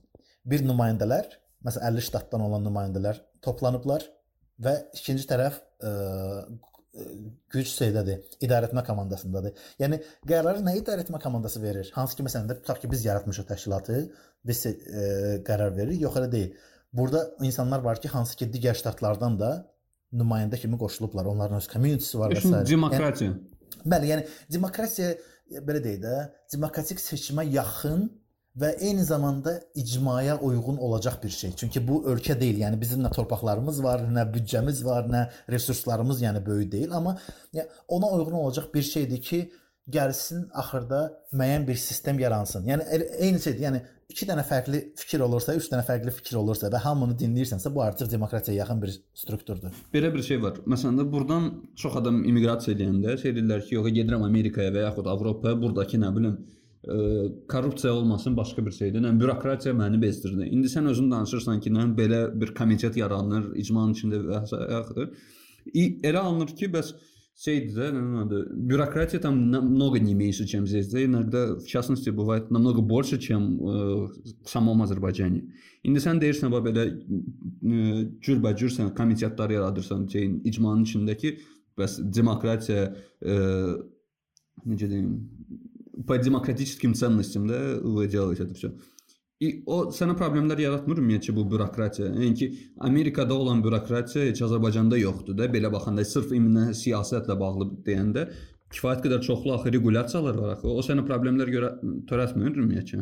Yoxsa siz uje Amerikanlısınız deyən, uje siz uje öyrəşmisiniz elə şeylərə. Yəni bürokratiya deyəndə, yəni hansı hansı sistemlərdir? Başa düşdüm ümumiyyətlə fikrimi, amma yəni sırf detallı olaraq deyən nə narahat eləyər bizi? Məsələn də sən özün dedin ki, bəs ə, e, icmanın içində iki dənə də məsələn reguliruющий orqandır, nə biri o birisinə nəsə qərar, biri qərar verəndir, biri nə bilim məsələn də regulyasiya verəndir o sizə yaşayanlara, yəni ki, iş nə, mən ki, mən işi deyirəm, sırf iş olaraq sənə belə bir şey problemlər törətmir ki. Detallar var da, yəni ə, yəni hal-hazırda, yəni mən əslində o gələcəkdə o sıxıntıları görürəm. Yəni bürokratiya deyəndə biz sən ə, yəni əslində hər ikisinin ə, belə deyək də fikir idarə etdi. Yəni bir-birlərinin nəzarət ə, sistemi var hər iki struktur. Məsələn biz bizim də strukturda elə şey deyil ki, bir sistem nəzərə. Və yaxud məsələn burada yanaşmada ə, e, yəni Amerikada istəyirəm fikrimi toplayım. Bilirsən necədir? Çətin, yəni mövzu çətindir. O oradakı iki dənə struktur bir-birinə nəzarət eləyir. Hər şey çox çətinləşir. Və yaxud məsələn axırda bir nəfər qərar verir də, hansı məsələn tutaq ki, prezident qərar verir ki, məsələn senat qəbul elədi. Senatdan əvvəl ə, nümayəndələr palatası qəbul elədi konqresin. Yəni amma sonunda prezident qəbul eləmədi və o məsələn Tramp da necə ki o ermənilərin qondarma soyqırımını qəbul eləmədi. O mövzu dayandı. Yəni tam qəbul olunmadı, amma senat səviyyəsinə kimi qalxdı. Yəni on, onlar indi də deyirlər ki, bizim senat səviyyəsində qəbul olunub. Bir dənə prezident qəbul indi indi Bidenin üstünə düşüblər. Yəni mərhələ-mərhələ gedir də. Yəni amma məsələ var ki, burada yəni yanaşma da yenə eynidir və ən əsas tərəfi də odur ki, buna hər iki tərəf hazır və razı olsun. Yəni məsələn də ə, elə şey ola bilər ki, məsələn tutaq ki, biz mövzu qaldırırıq. Məsələn bizim məclis üzvləri mənimlə eyni fikirdə olmasınlar. Məsələn mən deyirəm ki, bu belə olsun və mən artıq belə deyək də ə, təşkilatı yaradanda razılıq vermişəm ki, onlar da burada fikrin, yəni onların fikri qəbul olunacaq. Yəni çoxluğun fikri odursa, yəni o olmalıdır. Və orada onlar qəbul eləmirlərsə, Yəni məsələn mənim şəxsi olaraq belə deyək də, tutaq ki də mən xoşuma gəlmir. Mən istəyirdim, mən istəyirdim ki, bu olsun, amma görürəm ki, qəbul eləmirlər. Biz onları dediyi kimi də qəbul eləyirik. Sabah səhv çıxır, onların günahıdır. Yəni onların o belə deyək də, ə, necə ki siyasi karyeranda elədiyin səhvlər var, sənə axırı gün gedir, başa vururlar. Sabah prezident olmaq istəyəndə də deyirlər ki, sən belə eləmişdin, belə eləmişdin. Belə Amerikada da yəni bu mövzu seçkilər vaxtı gedir. Eyni şey də yəni ə, icmanın içindədir və buna hazır olmaq lazımdır ki, ə, yəni bürokratiya məsələsində də yəni seçimdir. İnsanlar səhv eləyə bilər. Məsələn, insanlar məsələn tutaq ki, ə, məsələn biz e, məclisin üzvlərini mən tanıdığım kim ki gedirdim, danışırdım, bu nə bilim 50 nəfərlə, onlardan 20-si lazımlaşdı ki, biz gəlin bunu eləyək, bizim xoşumuza gəlir deyə. Və gəldilər. Yəni o insanları heç kim seçməyib. Yəni mən də seçməmişəm. Mən sadəcə dəvət eləmişəm. Onlar qoşulublar. Struktur yaradıblar və mən elan edəndə ki, dostlar, bizim amma fikrimiz var ki, bunu gələcəkdə seçkin eləyək. Ola bilər ki, sabah siz burada olmayasınız məclisdə, çünki sizin insanlarınız başqa insandan səs verə bilərlər. Məsələn, bizdə oldu ki, bir nəfər dedi ki, yox, mən belə istəmirəm, mən seçkin istəmirəm, mən çıxıram. Yəni mən bu gün bu strukturu qururam ki, sabah gəlib başqası otursun mənim yerimdə. Yox. Ya, insan ayrıldı. E, məsələn, insanlar da fərqlidir. Məsələn, ona görə də məsələn, həmin o məclisin üzvləri də bəzi mövzularda qeyri-adekvat addım ata bilərlər və yaxud bir-birlərindən danışa bilərlər ki, gəlin səs səsvermə olacaq. Gəlin bu, bu cür səs verək, yerimizi qoruyaq. Yəni burada burada artıq məsələ ona gedir ki, o insanın növbəti seçkilərə qədər ə, yəni hansısa bir qaydaları da pozmuş. Əlbəttə ki, biz o ə, etik davranışdır, yana, yanaşmadır. Onları da yazırıq həmin o məclisin. Necə, necə ki deyirəm, yəni indi bizim burada konqresdə yazılmış qanunlar var. Biz onun belə deyək də bir demo versiyasını özümüz üçün hazırlayırıq ki, hər şey olsun, yəni o imkanımız olsun ki, məclis üzvü tam qanunları pozubsa onu uzaqlaşdıra bilək. Yəni yenə də demokratik şəkildə mövzunu qaldıraq, həmin insanı belə deyək də haqqlarını artıq əlindən alaq, çünki bu qaydaları pozub. Yaxşı, bəs Azərbaycanlılar buna razıdırlarmı? Nə görə mən soruşuram? Yəni ki, siz yeni Amerikanlısınız da. Biri var ki, siz doğulub orada doğulub böyümüsüz, onda aydındır. Yəni ki, Amerikanın bütün bu э, все ценности Америки вы знаете, все ценности демократии вы знаете, вы с этим родились, выросли. Yani ki, burada aydındır. И как происходит выборы, и как происходит вообще личное мнение, это все вы знаете. Bir də var ki, sonra köçüb gəlmisiniz də, yəni ki, təzəlik üçün gəlmisiniz. Kimsə hə ola bilər 20 illik qalır, kimsə 5 illik qalır, kimsə 2 illik qalır. Amma ki, yəni bu problem göstərmir ki, ну, в смысле, это вам не мешает дальше работать. Я имею в виду, bilirsən necə, вот эти новые ценности. Yəni ki, mən də gəlib şey eləsəm ki, резко скажут тебе, если у тебя есть свое мнение, пожалуйста, ты можешь его выражать, но это не означает, что это правильно, докажи, что это правильно, это достаточно сложная да, вещь, надо над этим работать. Yani ki, o, necə, Azərbaycanцы sami готовы к этому или нет? Əlbəttə mən başa düşdüm nə demək istəyirsən. Yəni əslində yəni bizim dediyim dediyimi hansı ki biz 3 il keçdi ki biz o platformanı işə saldıq. Yəni əslində Azərbaycanlılar hazır olsaydılar bu demokratik, yəni Azərbaycanlılardan söhbət insanlardan əsas da bu təşkilat sədrlərindən söhbət gedir. Çünki bunu, yəni bilirsən necə ümumiyyətlə bu işdə, yəni özün ə, Rusiyada olmusan da bu təşkilat söhbətlərində, diaspora söhbətlərində görmüsən. Yəni heç zaman strukturu adi insanlar, yəni 100 nəfər gəlib qurmur. Bunu hər zaman 5-10 nəfər yığılıb, oturub yazıb, zənglər eləyib, nə bilim e, əsasnaməni, nizamnaməni belə deyək də Azərbaycanda oturublar, yazıblar, sistemi qurublar, təşkilatı, yanaşmanı yeni yeni baxış. Yəni mən deyərdim ki, hətta bizim, yəni bizim ə, e, nəsil, həmişə mən deyirdim, mənə inanmırdılar. Mənə deyirdilər ki, bizim nəsil zaydı, ə, e, növbəti nəsil bəlkə yaxşı olacaq. Mən deyirdim, yox, məsələn, mən düşünürəm ki, bizim nəsil əslində Qarabağı alacaq və hətta o mövzulu bu ə, yəni mən bizim nəsildən çox razıyam. Bizim nəsil dediyim, yəni 80-90-lar əsasda, yəni bu iki e, 10 illikdə doğulmuş insanlar. O insanlar ki, hər şeyə rəqəmsallaşmış baxırlar. Məsələn, tutaq ki, kimsə hansı sahədə məsələn yeni məsələn süni zəka var, onu e, bu işlərə gətirməliyik. Amma diaspora işində özün görmüsən, daha çox o insanlardır ki, yeni texnologiyalara, yeni nəslə o qədər də ə, üstünlük vermirdilər. Yəni məsələn mən gəlirəm baxıram ki, e, Amerikada diasporamız ötən əsrin ə, e, yanaşması ilə yanaşır hər şeyə. Yəni məsələn insanları yığmaq lazımdır. Nə ilə yığaq? Məsələn, filan kəslər kilsə ilə yığır, filan kəslər sinaqoqla yığır. Biz də yeyib içməklə yığmalıyıq. Yəni məsələn, yeyib içmə eləyəcəyik, 500 nəfər Azərbaycanlı gələcək. Orada sözümüzü onlara çatdıracağıq. Məsələn, mən dedim, yox, biz Facebook qrupu açmalıyıq. İnsanlar ora gəlsin, orada onlara sözümüzü deyək. Yəni e, loru dildə desək də, yəni yəni adi insanlar belə deyə də hər zaman baxırlar. Yəni seçim var insanda da. İnteqrasiya olacaq ya yox. Məsələn, bunu ə, e, izləyəcək bu filmi ya yox. Baxır ki, sən onu filmi necə quracaqsan. Amma təşkilat sədrləri dediyim kimi o problemdir ki, onlar onu açıqdır ya yox. Məsələn, bizdə çox açıq deyil. Yəni İnsanlar, təşkilat sədrləri Amerikada belə, Amerikada belə adam 30 ildə Amerikada yaşayır. Məntiq yenə ordadır ki, hətta bəzisi var deyir ki, bu təşkilatın sədri mənəm. Mən də gedəndən sonra mənim qızım gələcək mənim yerimə. Yəni e, insanlarda bu diktatura rejimi Amerikada yaşasa belə keçməyib. Yəni dediyin kimi də o gəlirlər Amerikaya qalırsan Azərbaycanlı. Yəni o tip insanlar da var. Və o o insan əlbəttə ki, heç vaxt razılıq verməz ki, bu demokratik seçkilər olsun, onu seçsinlər. Ha, hansı ki, əslində olmalıdır. Hər bir təşkilatda idarəetmə heyəti öz məmberləri ilə, yəni üzvləri ilə seçkilər eləməlidirlər. Hər dəfə, yəni əgər bu idarəetmə heyəti artıq yaxşı iş görmürsə, çıxır başqa idarəetmə heyəti gəlir, başlayır məsələn o təşkilatı idarə eləməyə. Çünki ə, üzvlər yəni buna ödəniş eləyirlər. Yəni əslində bu struktur da yoxdur. Yəni ümumiyyətlə üzvlük sistemi, aylıq ödəniş olsun və s. Məsələn, o struktur da bizim çox təşkilatlarda yoxdur. Çox az təşkilatlarda var ki, onlar üzvlük haqqı ilə hansısa bir fəaliyyət göstərirlər. Yəni və biz də məsələn gəlib yanaşmanı eləyəndə, məsələn biz məclisi indi eləmişik. İndi indi insanlar hələ çox hissəsi də yox. Başa düşürlər ki, bu nədir? Hətta bəzən deyirlər ki, məclis nədir? Yəni siz nə etmisiniz? Milli məclis eləmisiniz, nə bilim nə? Güya ki, özünüzü yuxarı ilə tutursunuz da. Yəni belə mövzuda adi insanların yanaşmasını deyirəm. Amma müəyyən müddətə kimidir ki, o struktur qurulsun. Ya dediyim kimi də elə bil ki, bir meydançadır. Tutaq ki, futbol oynayırıq və bilir ki, bu oyun burdadır və ora oynamağa gəlmir və izləyicilər də gəliblər.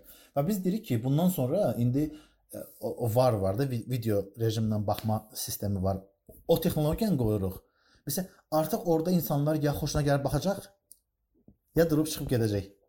Amma yəni onu düzgün e, yanaşma, yəni məntiqi yanaşma, demokratik məsələn seçkilərdir. Biz bunu eləyəndə insanlar baxırlar ki, yox bu daha, daha doğrudur. Yəni bizim səsimizi eşidəcəklər. Məsələn, ən azından bu təşkilatın fəaliyyətinin e, yönləndirmək üçün mən öz özüm kimi seçmişəmsə, ona deyəcəm ki, məsələn, get orada məclisdə mövzunu qaldır ki, bu təşkilat belə şeylər eləməməlidir. Yəni insan ə, e, təşkilatın fəaliyyətinə adi insandan söhbət gedir. Necəsə bir yön göstərə bilirsə, onun artıq marağı olur. Çünki məsələn, bu gün təşkilat onunla belə sözümü bitirim. Bu gün təşkilat sədrləri deyir ki, Azərbaycanlılar gəl gəlmirlər bizim təşkilata fəaliyyət göstərmirlər. Ya deyirəm siz onlara heç nə vermirsiniz. Qoymusan altıva desən ki, mənim təşkilatımdır məsələn. Və istədiyin kimi idarə eləyirsən. Ya insan da burada bir maraq görmür. Yəni onun dəyişəcəyi bir şey yoxdur. Yeyib içmək elirsən, gəlir, yeyir, çıxır gedir də. Yəni yemək var. Yeməyin də pulun verir də. Məsələn, 20 dollardırsa tiket bileti orada həmin o orada məsələn yemək və yaxud özü bişirirsə əlbəttə ki vermir. Yəni gəlir, yeyir, çıxır gedir. Yəni o insanın nəyə görə öz vaxtını xərcləməlidir əgər heç nəyi dəyişə bilməyəcəksə? Sizin gördüyünüz iş, sizin gördüyünüz diasporada bu Vrosla diasporada belə deyim. Mən gördüyüm iş həmişə şey olubdu, tələbəçilik vaxtında olubdu. Ona görə o, tamamilə fərqli bir şeylər idi də. E, o moment həmişə nə burdan da Bakıdan da, orada qala-qala da adama şey gəldi ki, ki bəs dövlət dəstəyi olmur, ki bəs nəsə olmur. Sonradan mənə gəldi ki, məsələn də hansısa bir universitetdə hansısa bir balaca bir icmanın nəsə tədbiridir. İ, sonradan sonraya nə səfirlik gəlir ki, gəlin biz bunu ə, səfirlik adı ilə də eləyək, iş eləyək. Çox adamın xoşuna gəlmirdi ki, bəs sən iş görürsən, amma səfirlik heç bir dəstək vermir. Sonradan mən başa düşdüm ki, səfirlik, yəni ki, 50 yaşlı diplomatlar gəlib tələbə işini görməyəcəklər ki də. Yəni ki, это нормально то, что они хотят они не занимаются этим. Да bu adi bir şeydir. O ki qaldı indi sizin kimi məsələn diasporada вообще должна быть государственная поддержка. По идее же o olmamalıdır axı. Yəni ki, səfirliyin başqa işləri var. E, yəni ki, o diplomatik xarici siyasətlə məşğul, bəli, diplomatik işləri var da. O xarici ə, xarici siyasətlə məşğuldur. Sırf Azərbaycan Respublikasının xarici siyasəti ilə məşğuldur. Konsulluq tamamilə başqa şeydir. Amma ki, yəni ki o ə, şey dəstək olmalıdır yoxsa yox? Çox adam nədənsə deyir ki, yox, olmalıdır. Diasporada bir iş görmür. Qısası diaspora deyəndə ki, diaspora bir iş görmür. Çox vaxt nədənsə də yerli bu orqana, o diasporalarda iş üzrə komitəsi var, nədir? Onu nəzərdə tuturlar. Heç kim demir ki, bəs там очень много rебят, которые сами создали какую-то организацию, они работают. Yəni ki, это в каждой стране практически есть. Yəni ki, gedirsən Rusiyaya, Rusiyada da doludur elə orqanizasiyalar. Yəni ki, məsələn, hansısa biznesmendir, əlində pul var, sadəcə olaraq Azərbaycanlılara iş verməsi Bu uca bir diaspora, bir orqanizasiyası deməkdir də. Yəni ki, ofitsial olmasa da, amma ki bu bir şeydir, icmadır. O istər-istəməz yaranır. Yəni ki, məsələn necə belə bir sual yaranır ki, dövlət vəbsə buna nə tərzdə şey verməlidir, dəstək verməlidir, yoxsa yox? Mənə elə gəlir ki, heç dövlətin orada dəstək verməsinə heç ehtiyac yoxdur. Siz özünüz Yəni ki, əgər bunu iş kimi görürsünüzsə, bu с этим справляетесь да хорошо da. Yəni ki, özünüzün nə bilim membership pulunu da yığırsınız və s. Yəni ki, sizə nə maddi dəstək lazım olur, bəlkə də hansısa tədbirlərdə maddi dəstək lazım ola bilər. Amma ki, belə adi fəaliyyətinizdə heç dövlətin dəstəyinə ehtiyac yoxdur. Yoxsa mən yanılıram? Sizə ki, sizin kimi orqanizasiyalar lazımdır dəstək? Əlbəttə, inanırsan mən də hər zaman deyirəm və o fikrə gəlib çıxacaqlar Hətta bizim fəaliyyətdə belə inanmırlar ki, biz özümüz nəsə eləmişik. Çünki məsələn hələ bu gün də ötən il biz çox böyük iş gördük və əslində bu Qarabağ məsələsi bizim də çox sürü, məsələn də 3 ilə qədər e, gəlib bu səviyyəyə çıxacaqdıqsa Azərbaycan Union olaraq keçən il cəmi bir neçə aya o səviyyə tanıyır. Yəni bizi indi Amerikada bir 99% Azərbaycanlı bizi tanıyır. Bilir. Hamısı qrupda yoxdur. Bəlkə də bizim qrupda orada yəni Facebook hesabı olan Azərbaycanlıların bəlkə 30-40%-i var. Yəni insanlar hələ də gəlmirlər, çünki bilmirlər ki, bu necə olur ki, insan özü öz şəxsi vaxtını xərcləyib, neçə illərdir bu strukturu qurub və dostlarını çağırıb, ki, tanışların, yeni tanışlıqlar qurub və bu sistemi qurublar. Yəni insanlara hələ də o mövzu çatmır. Eyni zamanda təşkilat sədrlərinə də, amma burada bir məsələ də var, ona birazdan gələcəm bu dövlət dəstəyindən. Məsələn, səfirliklər, konsulluqlar elə mövzuda dəstək ola bilər ki, bu bilirsən, mədəni işlər olsun və yaxud o işlər olsun ki, onun birbaşa Azərbaycanın belə deyək də dövlətinə aid bir nədirsə, nə nəsə baş verir. Yəni o mövzuda o zaman dəstək verə bilərəm və vaxt da məsələn ən azından deyim də ki, məsələn bayraq lazımdır, rəsmi bayraqlar istəyirlər, yəni heç yerdən ala bilmirlər. O zaman gedib səfirlikdən istəyirlər ki, bəs siz Azərbaycanın rəsmi qurumusunuz, sizin bayrağınızdır da, yəni bu ölkənin bayrağıdır, başa? Yəni bunu almalıyıq və yaxud məsələn də ə, e, digər bir mövzudakı hansısa bir ə, e, bilmirəm, yəni Azərbaycanın xalça gətirmək istəyirlər. Yəni Azərbaycan Xalça Muzeyi də Azərbaycan dövlətinin strukturudur. Bu da ki, burada diplomatlardır. Deyə bilərlər ki, məsələn də bir əlaqə saxlayın Xalça Muzeyindən. Biz burada bir sərgi keçirəcəyik. Yer var, hər şey var, xalça yoxdur. Yəni məsələn o vaxtı mən düşünürəm ki, o zaman hə bəlkə də səfirlik rol oynamalı. Çünki səfirlik burada Azərbaycanın yeganə nümayəndəsi. Yəni biz burdan durub kiminsə Azərbaycan qrupuna yazması, deyəcəklər sən kimsən, sən Amerika vətəndaşısan da. Yəni məsələn orada hə rol oynayır.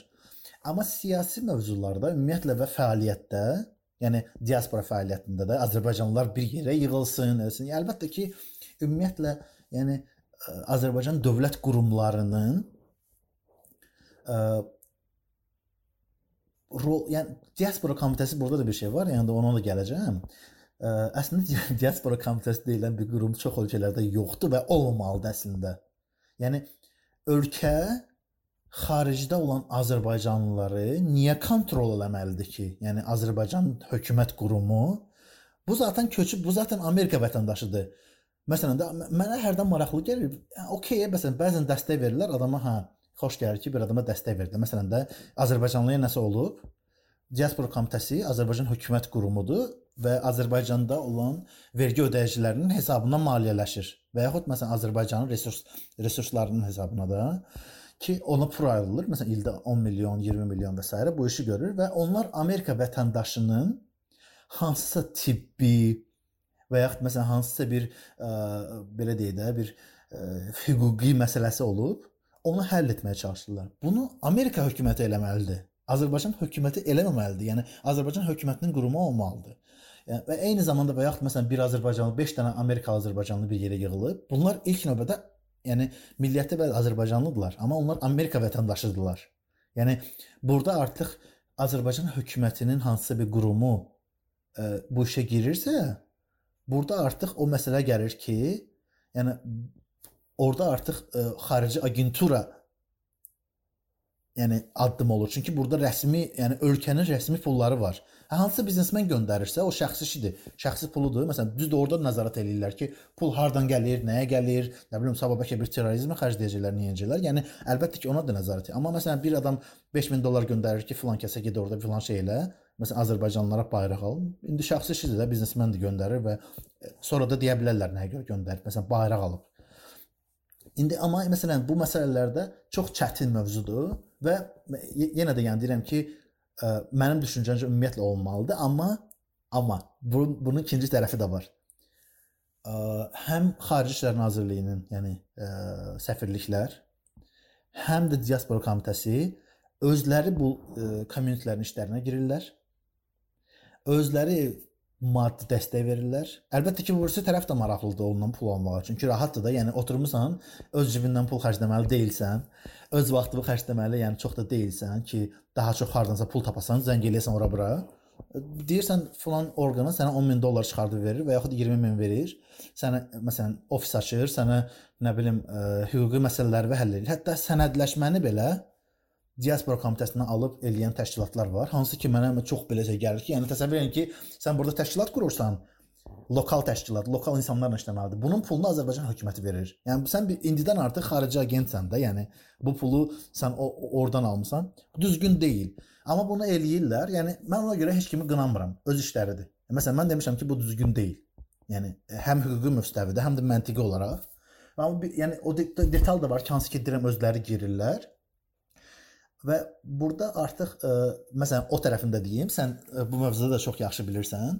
Yəni bütün bu işlər siyasi mövzulardırsa, burada ə, KQB məktəbinin rolu çox böyükdür.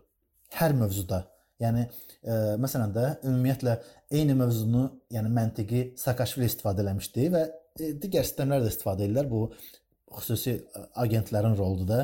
Bir şeyə nəzarət etmək istəyirsənsə, iki dənə tərəf qoyursan, bir dənə şeyə baxmağa. Yəni bu bu bir dənə şeyə bir nəfər baxırsa, bu sonra kontrolu öz üzərinə götürür bir nəfərə 2 dənə, 2 tərəf, 2 dənə göz desək varsa, yəni tərəf varsa, burada artıq problemdir çünki bir-birlərini sata bilərlər. Məsələn, Saakashvili bunu polislərlə eləmişdi də. Rüşvətin qarşılanmaq üçün ikisində kameradır və deyib ki, sən bunu satsan sənə qəşəng pul verəcəm. yəni kim də rüşvət götürür, o bir-birini satırlar və ə, struktur qurulur. Yəni və qarşı tərəf var ki, məsələn, diaspora. Diaspora kontrolu mən başa düşmürəm. Yəni məsələn də ə, bir Xarici İşlər Nazirliyi varsa, yəni Xarici İşlər, yəni xaricdə baş verən hər şeyi bunlar görürlər. Yəni həm insanlarla bağlı, həm də ki diplomatik işlərlə bağlıdır. Yəni insan məsələn ə, hansısa bir tutaq ki Azərbaycandan dediyim kimi xalçanı istəyirsə, iki dənə quruma nə ehtiyac var ki, bir dənə quruma deyirəm eləsin də, yəni işləsin bu. İşləməyə bilər, yəni başa düşürəm, yəni Azərbaycan qurumlarının işləməsini hamımız bilirik də necə işləyirlər telefona iş götürmürlər bəzən səfirliklər. İnsanlar şikayət eləyirlər. Yəni e, bu məsələlər aydın, yəni başa düşürəm ki, var, amma ə, yəni bunun ikinci qurumun olmağa ehtiyac yoxdur, amma onu yaratdılar. Və ikinci də məsələn nə baş verir? Amerikada da var. Ə, bir dənə şəhərdə bir neçə təşkilatlar yaranır. Çünki hamısı bilir ki, Azərbaycan hökumətindən, qurumlarından pul ala bilərəm. Ə, məsələn və burada qruplaşmalar yaranır. Filankəs filankəsi sevmir bu, bu bu adam kim kimlə yaxşı dostdur? Bu adam səfirliyi ilə yaxşı dostdur. Bu onunla işləyir. Filankəs diaspora komitəsindən dostdur. Hərəsi bir dənə şey orqanizasiya hə, açır. Yəni bu hər yerdə var. Yəni bütün ölkələrdə bu problem var, Rusiyada da var. Yəni hərəsi bir dənə təşkilat açır, hərəsi bir yerdən pul alır. Biri məsələn oradan alır, biri buradan alır, biri oradan dəstək alır, biri buradan alır və burada məsələ artıq ona gəlib çıxır ki, o insanları bir yerə gətirmək həmin o təşkilata mümkün deyil. Çünki onlar zaten İkisi də məsələn də hələ mən o birisiləri nəzərdə tutmuram. Üçüncü qrup hansı ki, ümumiyyətlə Azərbaycan hökumətindən işləyənlərə yaxın durmurlar insanlar. Hə, indi bunlar da hələ bunlar da öz işlərində 2 dənə qrupa bölünüblər.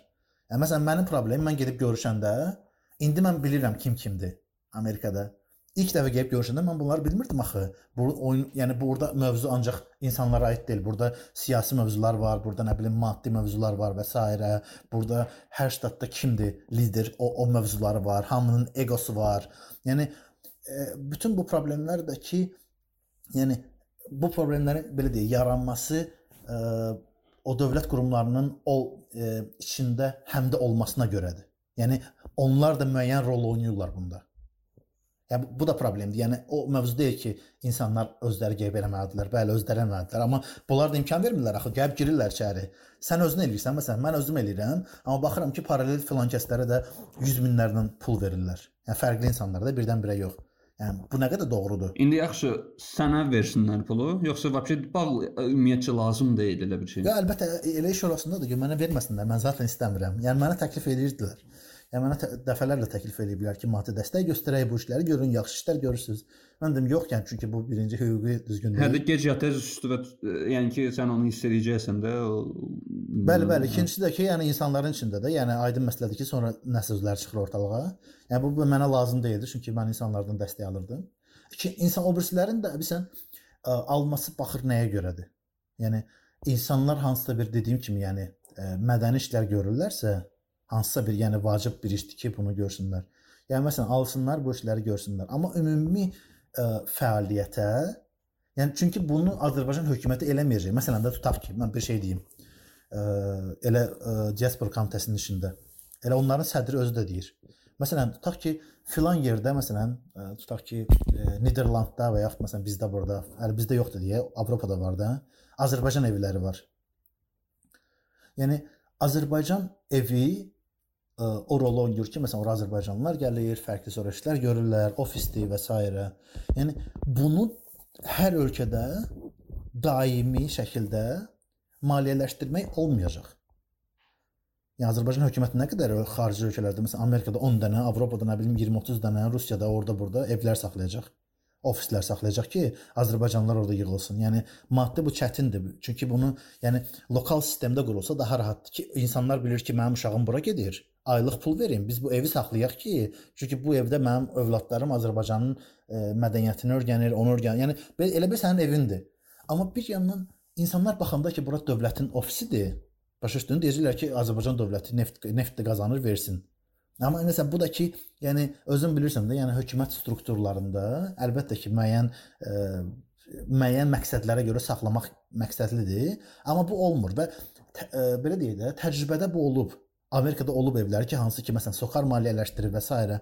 Amma bu gün o bağlıdır. Niyə bağlıdır? Çünki SOCAR dedi ki, mən artıq pul vermirəm. Gələn ay ev əldən çıxdı və Azərbaycanlılar orada yığılırdısa bu günə kimi artıq yığılmır. Başa düşdün? Yəni problem buna gəlib çıxır ki, sənin gördüyün iş o maliyyə dayanana qədərdir.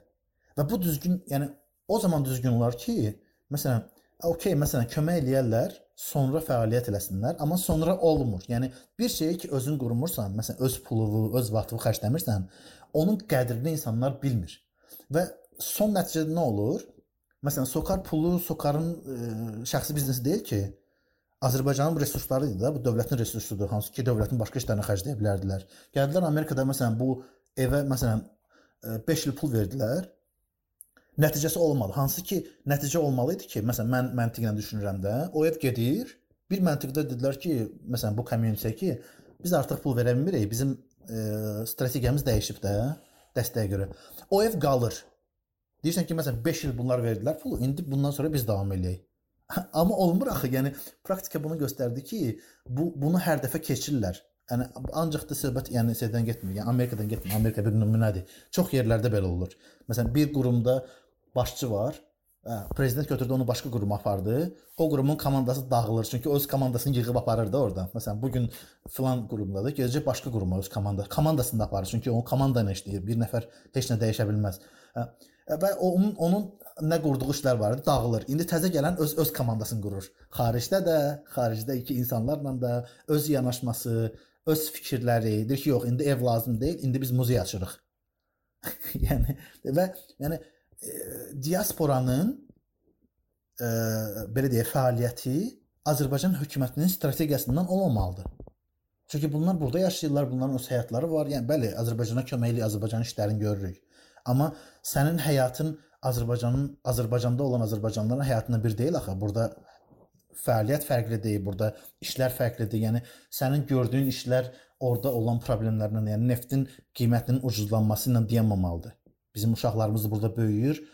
Daimi də yəni e, mədəniyyəti də e, sabah onları işə düzəltmək, sabah onları universitetə düzəltmək məsələsində də kömək etməliyik. Yəni e, sözümü belə son nəticəni deyim ki, indiyənə kimi bu işlər olur deyə insanlar da qeyri-professional yanaşırlar və bu gün elə bir şey yoxdur ki, məsələn Amerikada çox biabırçılıqdır. Bizim normal cəmi 1-2 təşkilat var ki, çox cüzi pullar verirlər burada oxuyan tələbələrə, qrantlar kimi.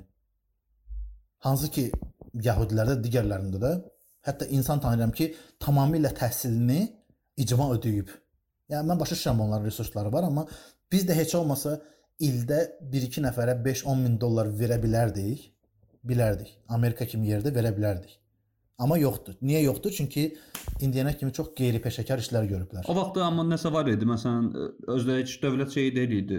Əsasən belə deyək də, ə, e, hakimiyyətə müxalif olan insanlar yaratmışdı. New Yorkdakı deyəsən şeydə Rəsulzadə adını ə, e, bir stipendiya idi, səhv yadımda deyildi. New Yorkda olan yoldaşlardan var, Azərbaycan is in the world var, təşkilat səhv eləmirəmsə e, xanımın da yadından çıxdı. Onların bir onların stipendiyasının adını bilmirəm. Ola bilər eyni stipendiyadır.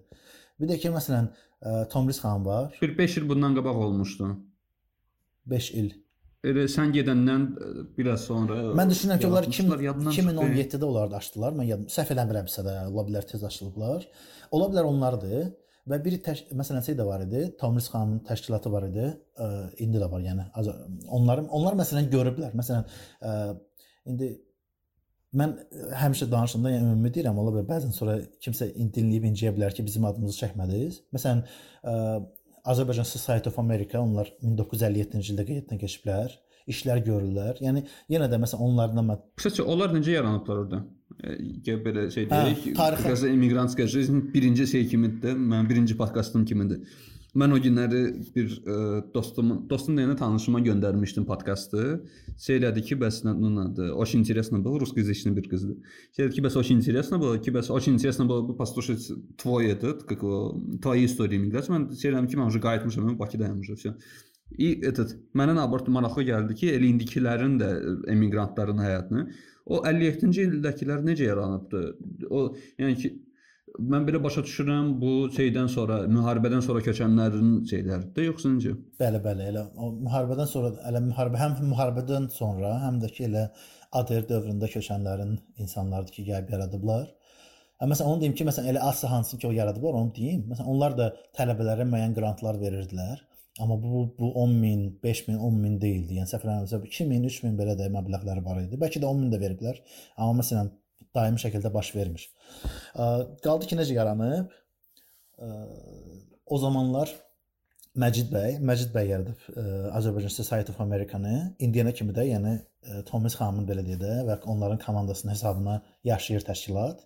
Yeganə təşkilatdır ki, o zamandan açılıb və qalıb. Onlar Səhv eləmirəmsə Məcid bəy ilə müharibə dövründən sonra köçən şəxslərdir və o ancaq o deyildi. Onların idarəetmə heyətində digər insanların adı yadımda deyil dəqiq. Amma məndə onların da kitabçıları var. Biz onların üzərində işləyirik ki, biz sənədli film hazırlayaq. Amma eyni zamanda həmin təşkilatı quranlardan biri də elə Tomris xanımın atası. Ə, onlar ə, Şeyx Zamanlılar ki var. Ə, ə, indi Milli Təhlükəsizlik Nazirliyidir də onların ə, e, yəni idarə etmə. Birinci birinci qardaşı olub, sonra qardaşı ə, 19-da çıxandan sonra özü gəlmişdi.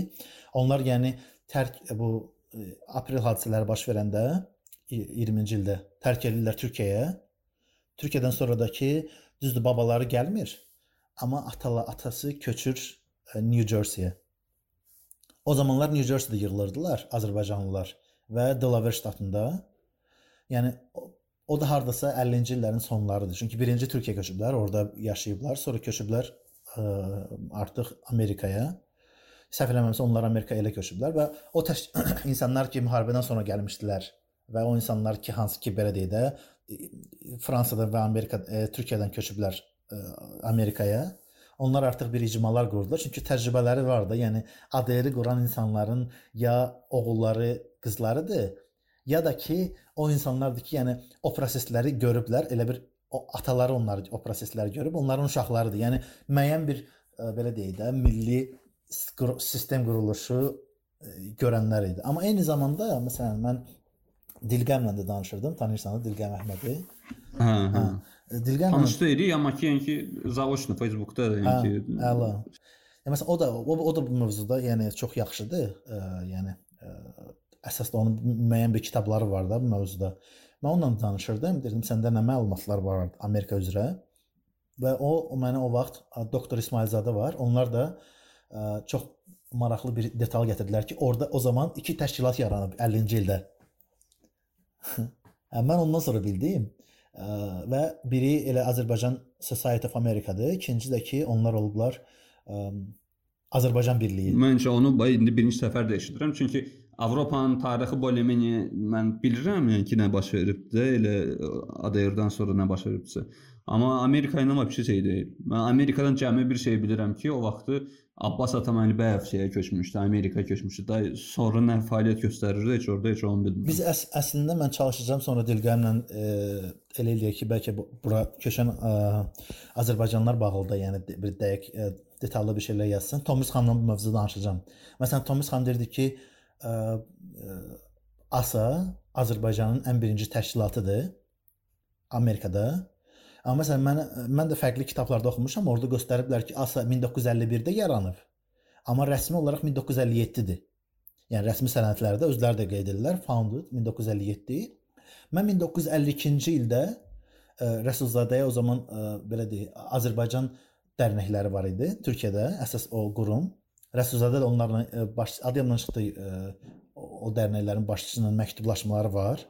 Məktublarda qeyd olunur ki, ə, orada Rəsulzadəyə məktub yazır dərnəyin başçısı ki, bəs Amerikada Azərbaycan Birliyi adında bir təşkilat yaranıb və orada da ə, Rəsulzadə soruşur ki, bəs ə, ikinci təşkilatı soruşurdu. Yəni ikinci soruşur ki, bəs bəs ikinci təşkilat necə oldu? Dəfənəsə Məcid bəy idi, hansı ki ə, əldə etdin. Yəni məndə biraz adlarda problem var. Soruşur ki, bəs o birisi təşkilat necə oldu?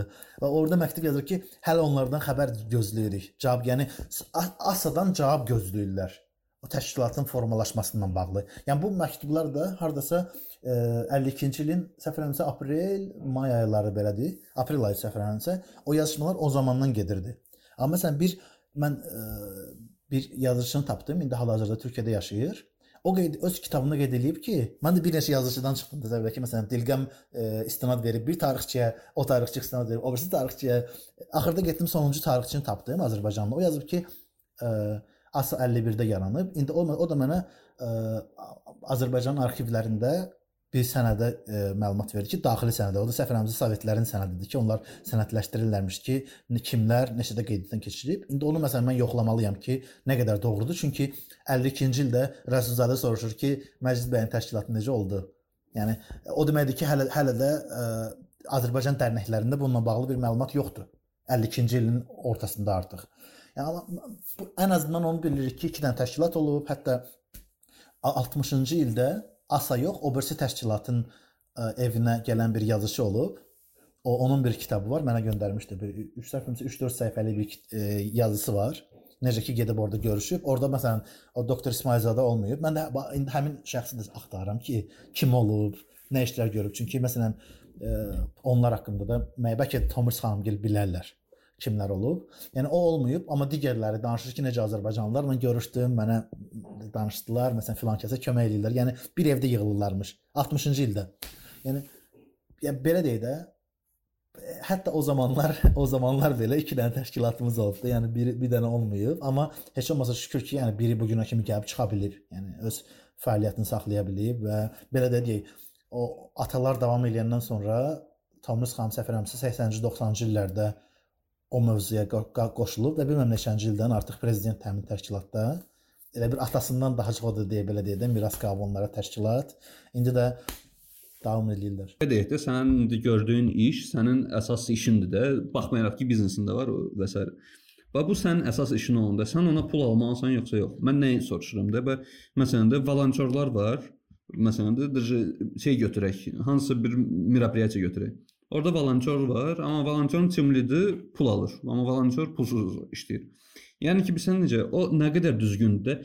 Elə bir işlər var ki, məsələn də sənin kimi diaspora orqanizasiyasının içində də məsələn də necə deyək, Məsələn, zavxoz, idi nə bilim dizayner. Hansı ki bu işi onsuz da görməlidir.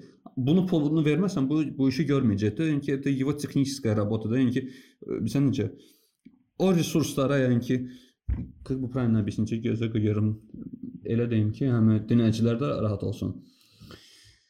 Belə deyək də, hansı merapariya keçirilir, orada şeylər var. Bu yəni ödəniləs ödənilməli olan işlərdə nəzərdə tutulmalı. Hə. Bax, onlarda aydındır. Onlara sən pul verməlisən.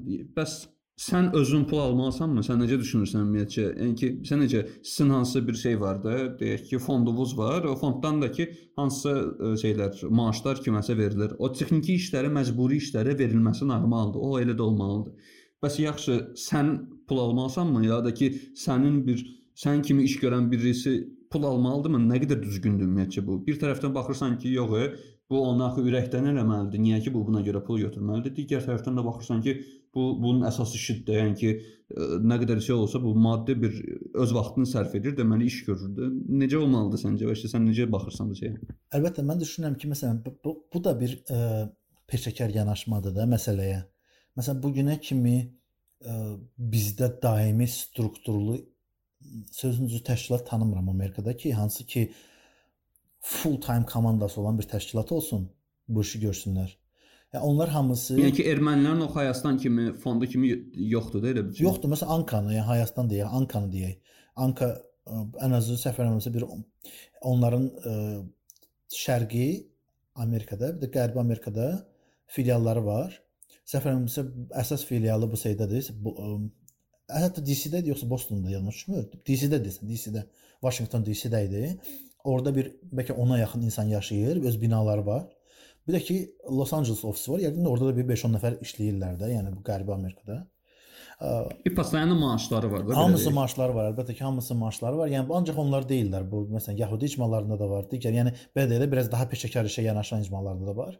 Yəni məsələn burada bir detal var. Əgər insan ə, vaxt ayıra bilirsə, məsələn necəsə belə deyə də part time, yəni yarı time vaxt ayırırsa, yarım ştat kimi bu işi görürsə, hə orada əlbəttə ki, yəni öz qazancı var, öz şey var. Yəni hələ durub e, olmayan büdcənin də bir hissəsini özünə maaş yazmaq düzgün alınmır. Amma yo insan, yəni bu işi peşəkar səviyyəyə gətirirsə, hansı ki məsələn biz də gətirmək istəyirik və mən hətta deyim ki, mənim mən sözün düzü özümü e, gələcəkdə bu işi full time görəcək insan kimi görmürəm. Yəni əlbəttə ki, vaxtımı ayıracağam, işləri görəcəm, məsələn, nəzarət və s. amma ofisdə oturum, ə, məsələn də prezidentdir və yaxud məsələn ə, şirkətin rəhbəridir, nəsə belə. Mən mən o yəni o şəxs deyiləm də həyat tərzi olaraq da elə bir insan deyiləm və hətta mən düşünürəm ki, məsələn, gələcəkdə o strukturu ə, idarə etmə heyətində oturacaq insanlar olmalıdır ki, hansı ki full time bizdə maaş alacaqlar, oturacaqlar onlar, ə, yəni bu onların işi olacaq və biz məsələn həmin insanlardan tələb eləyəcəyik çünki ona maaş veririk. Məsələn bu gün volontyor gəlir, məsələn və yaxud məsələn kimsə könüllü işi görür. Məsələn tərcümə göndərirəm ki, bunu tərcümə elə. Adam deyir, "Okay, hə tərcümə." Məsələn baxıram axşama kimi hazır deyil. Başlayıram onu eləməyə ki, tərcüməni göndər və düz o da bir şey demir, amma bir səncədir insan işdədir. İnsan və yaxud məsələn işdən çıxıb gedib kafedə oturub dostlarla görüşüb. Yəni o insandan bir şey tələb eləyə bilmirsən. Çünki yəni adam könüllüdür. Amma iş o zaman ki onun işidir. Yəni o insan maaş alır. Əlbəttə həm sevir işi, bunu sevdiyinə görə gəlib, amma üstəlik maaş da alır. Burada artıq daha peşəkar yanaşmalı olur. Peşəkar, peşəkar üçün də əlbəttə ki, yəni maaşı olmalıdır. Yəni maaşsız çünki bu insan bu insan ailəsi olmasa belə, deyək ki, ailəsi var, yaşamalıdır. Bu insanın evinin xərci var, bu insanın sığorta xərcləri var, onun avtomobili var. Yəni aylıq bunun məsələn Amerikada orta orta statistik deyək də, ştata görə dəyişir. Adam başı 3000 hesablayır. 3-5 min, 3-5 min dollar. Yəni sənin heç olmasa ən azı tutduğun ev ucuz ştatlarda bir otaqlı ev 1000 dollardan başlayır da. Yəni lap ucuz ştatlar demirəm, orta ştatlar 1000-1500 dollardır bu mənzillər. Yəni ən azından onu ödəməlisən, heç olmasa sığorta, telefon. Baxırsan ki, ən azı yəni 2000, 2500, 3000 dollar belə ə, statistik şeylərə gedir. Yəni bu o demək deyil ki, sən geyim almısan, qəşəng geyim, yemək, yəni yeməyi hərəsi qırağa qoyuram. Yəni vacib xərclər 2-3 min dollardır. Ailəvi olanda da 5-6 min dollar ola bilər. Yəni baxır da işte harda yaşayır. Yəni ondan sonrasını artıq ə, sən artıq baxırsan geyim alırsan, nə bilim telefon alırsan, gəzməyə gedirsən və s. Yəni insanın bu xərcləri var və o insan ə, bunu eləməməli. Məsələn, mən keçən ilin yarısını iyuldan dekabra kimi tamamilə full time bu işlə, yəni gecədən səhərə kimi bunu görürdüm. Yəni öz öz işlərimdə də çox çətinlik yarandı. Çünki məsələn, orada informasiya müharibəsi gedir. Mən gedib oturmuşam, marketinq işi görürəm, alınmır da. Yəni mental olaraq da bir də ki mən bütün qrupu idarə eləyirdim. Üstəlik başqa qrup adminləri ilə görüşürdük. Yəni yəni mən burada hansısa aylar öz vaxtımı full time xərcləmişəm bu demək deyil ki, mən 10 il belə iş görməliyəm. Xeyr, yəni çünki mənim də ailəm var, hər bir insanın işi var, yəni yəni İndi mən biraz istisna insan kimi yanaşıram. Çünki məsələn 1918 azıda öz pulumu cibimdən xərcləmişəm, hər şey eləmişəm, vaxtımı da, Bilal da Ə, məsələn, Baba Azda öz pulumu, vaxtımı xərcləmişəm, uşaqlara göndərmişik layihələri. Digər layihələrdə də Azərbaycan Unionda onlardan biridir. Amma yəni ə, bir çox insanlar zaten bunu eləmir, amma eləyənlər də məcbur deyil də. Yəni əslində bu düzgün deyil. Yəni pulsuz işləyəndə diqqət, ciddi yanaşmırlar o işə insanlar. Bu pisdir. Bu pis. Siz indi çatmısınız o vəziyyətə ki, bəs siz uje kimisə pulu ilə naim eləyəsiniz də, employee-ni uje pulu ilə götürəsiniz, yoxsa hələ ki hələ çatmamısınız? Yox, hələ ki o, o, belə deyək də, büdcəyə çatmamışıq ki, insan full time employee saxlaya bilər, yəni işçi saxlaya bilər. Amma çox yaxınıq. Bir də mən məsələn mən əslində o sistemi gözləyirəm ki, bu saat bizim işçimizin də gəlib full time görəcəyi iş iş, işlər çoxdur, amma gəlib oturub belə deyə peşəkar səviyyədə görəcəyi iş o səviyyədə deyil struktur. Biz o məsələn o o zaman ki biz o deyirəm ki bu seçki sistemini, ə, strukturu tam quracağıq, hansı ki bu demokratik seçkilər olacaq və o, o demokratik seçkilərin müqabilində insanlara deyəcəyik ki, baxın, biz burada biz bu gün eləyirik. Bizim çox layihələrimiz var. Hər layihənin də öz rəhbəri var, amma onların heç biri maaş vermirik də, yəni könüllü onlar eləyirlər. Hə də qıraqdan həvəskar bir iş görsən, ona görə deyirəm ki, yəni ki, nə vaxt çatacaqsınız? Hə, hə, elədir, elədir. Ə, məsələn, o, o o zaman o iş olacaq ki, ə, məsələn, insanları artıq cəlb edəcək və bütün layihələrimizdə biz bu gün çoxlu insanlara kömək edirik də, fərqli mövzularda. Ə, yəni ixtisas da veririk, işə də düzəldirik, biznesə də kömək eləyirik və yəni mən düşünürəm ki, bu yaxın ə, hardasa 2-3 ayda olacaq və biz indi əsas onun üzərində fokuslanmışıq. O o zaman ki, məsələn, insanlar başlayacaqlar artıq aylıq abunəçilikləri olmağa, yəni membership ödəməyə və s. bizdə heç olmasa məsələn belə deyə də ən azından 5000, 6000 dollar aylıq qırağa qoya biləcəyik ki, bu full time işçimiz, çünki bizim ofisimiz və s. hər şey var. Ə, o işçi gəlib oturacaq orada və yaxud lap evdə otursun, fərqlənmir indi ə, hamı evdən işə keçib də ki bizim ən azı gün ərzində 8-10 saat arası, yəni belə deyək də, işi kontrol edib 6 saat da işləyə bilər, fərqi yox. Bizə lazımdır ki, işi görsün. Yəni onu görə biləcək. Hə, ondan sonra artıq əlbəttə ki, belə deyək də, hər şeyə mən düşünürəm daha daha ciddiləşəcək. İndikindən də ciddiləşəcək, amma əlbəttə ki, yəni onun üzərində işləyirik. Çox az qalıb.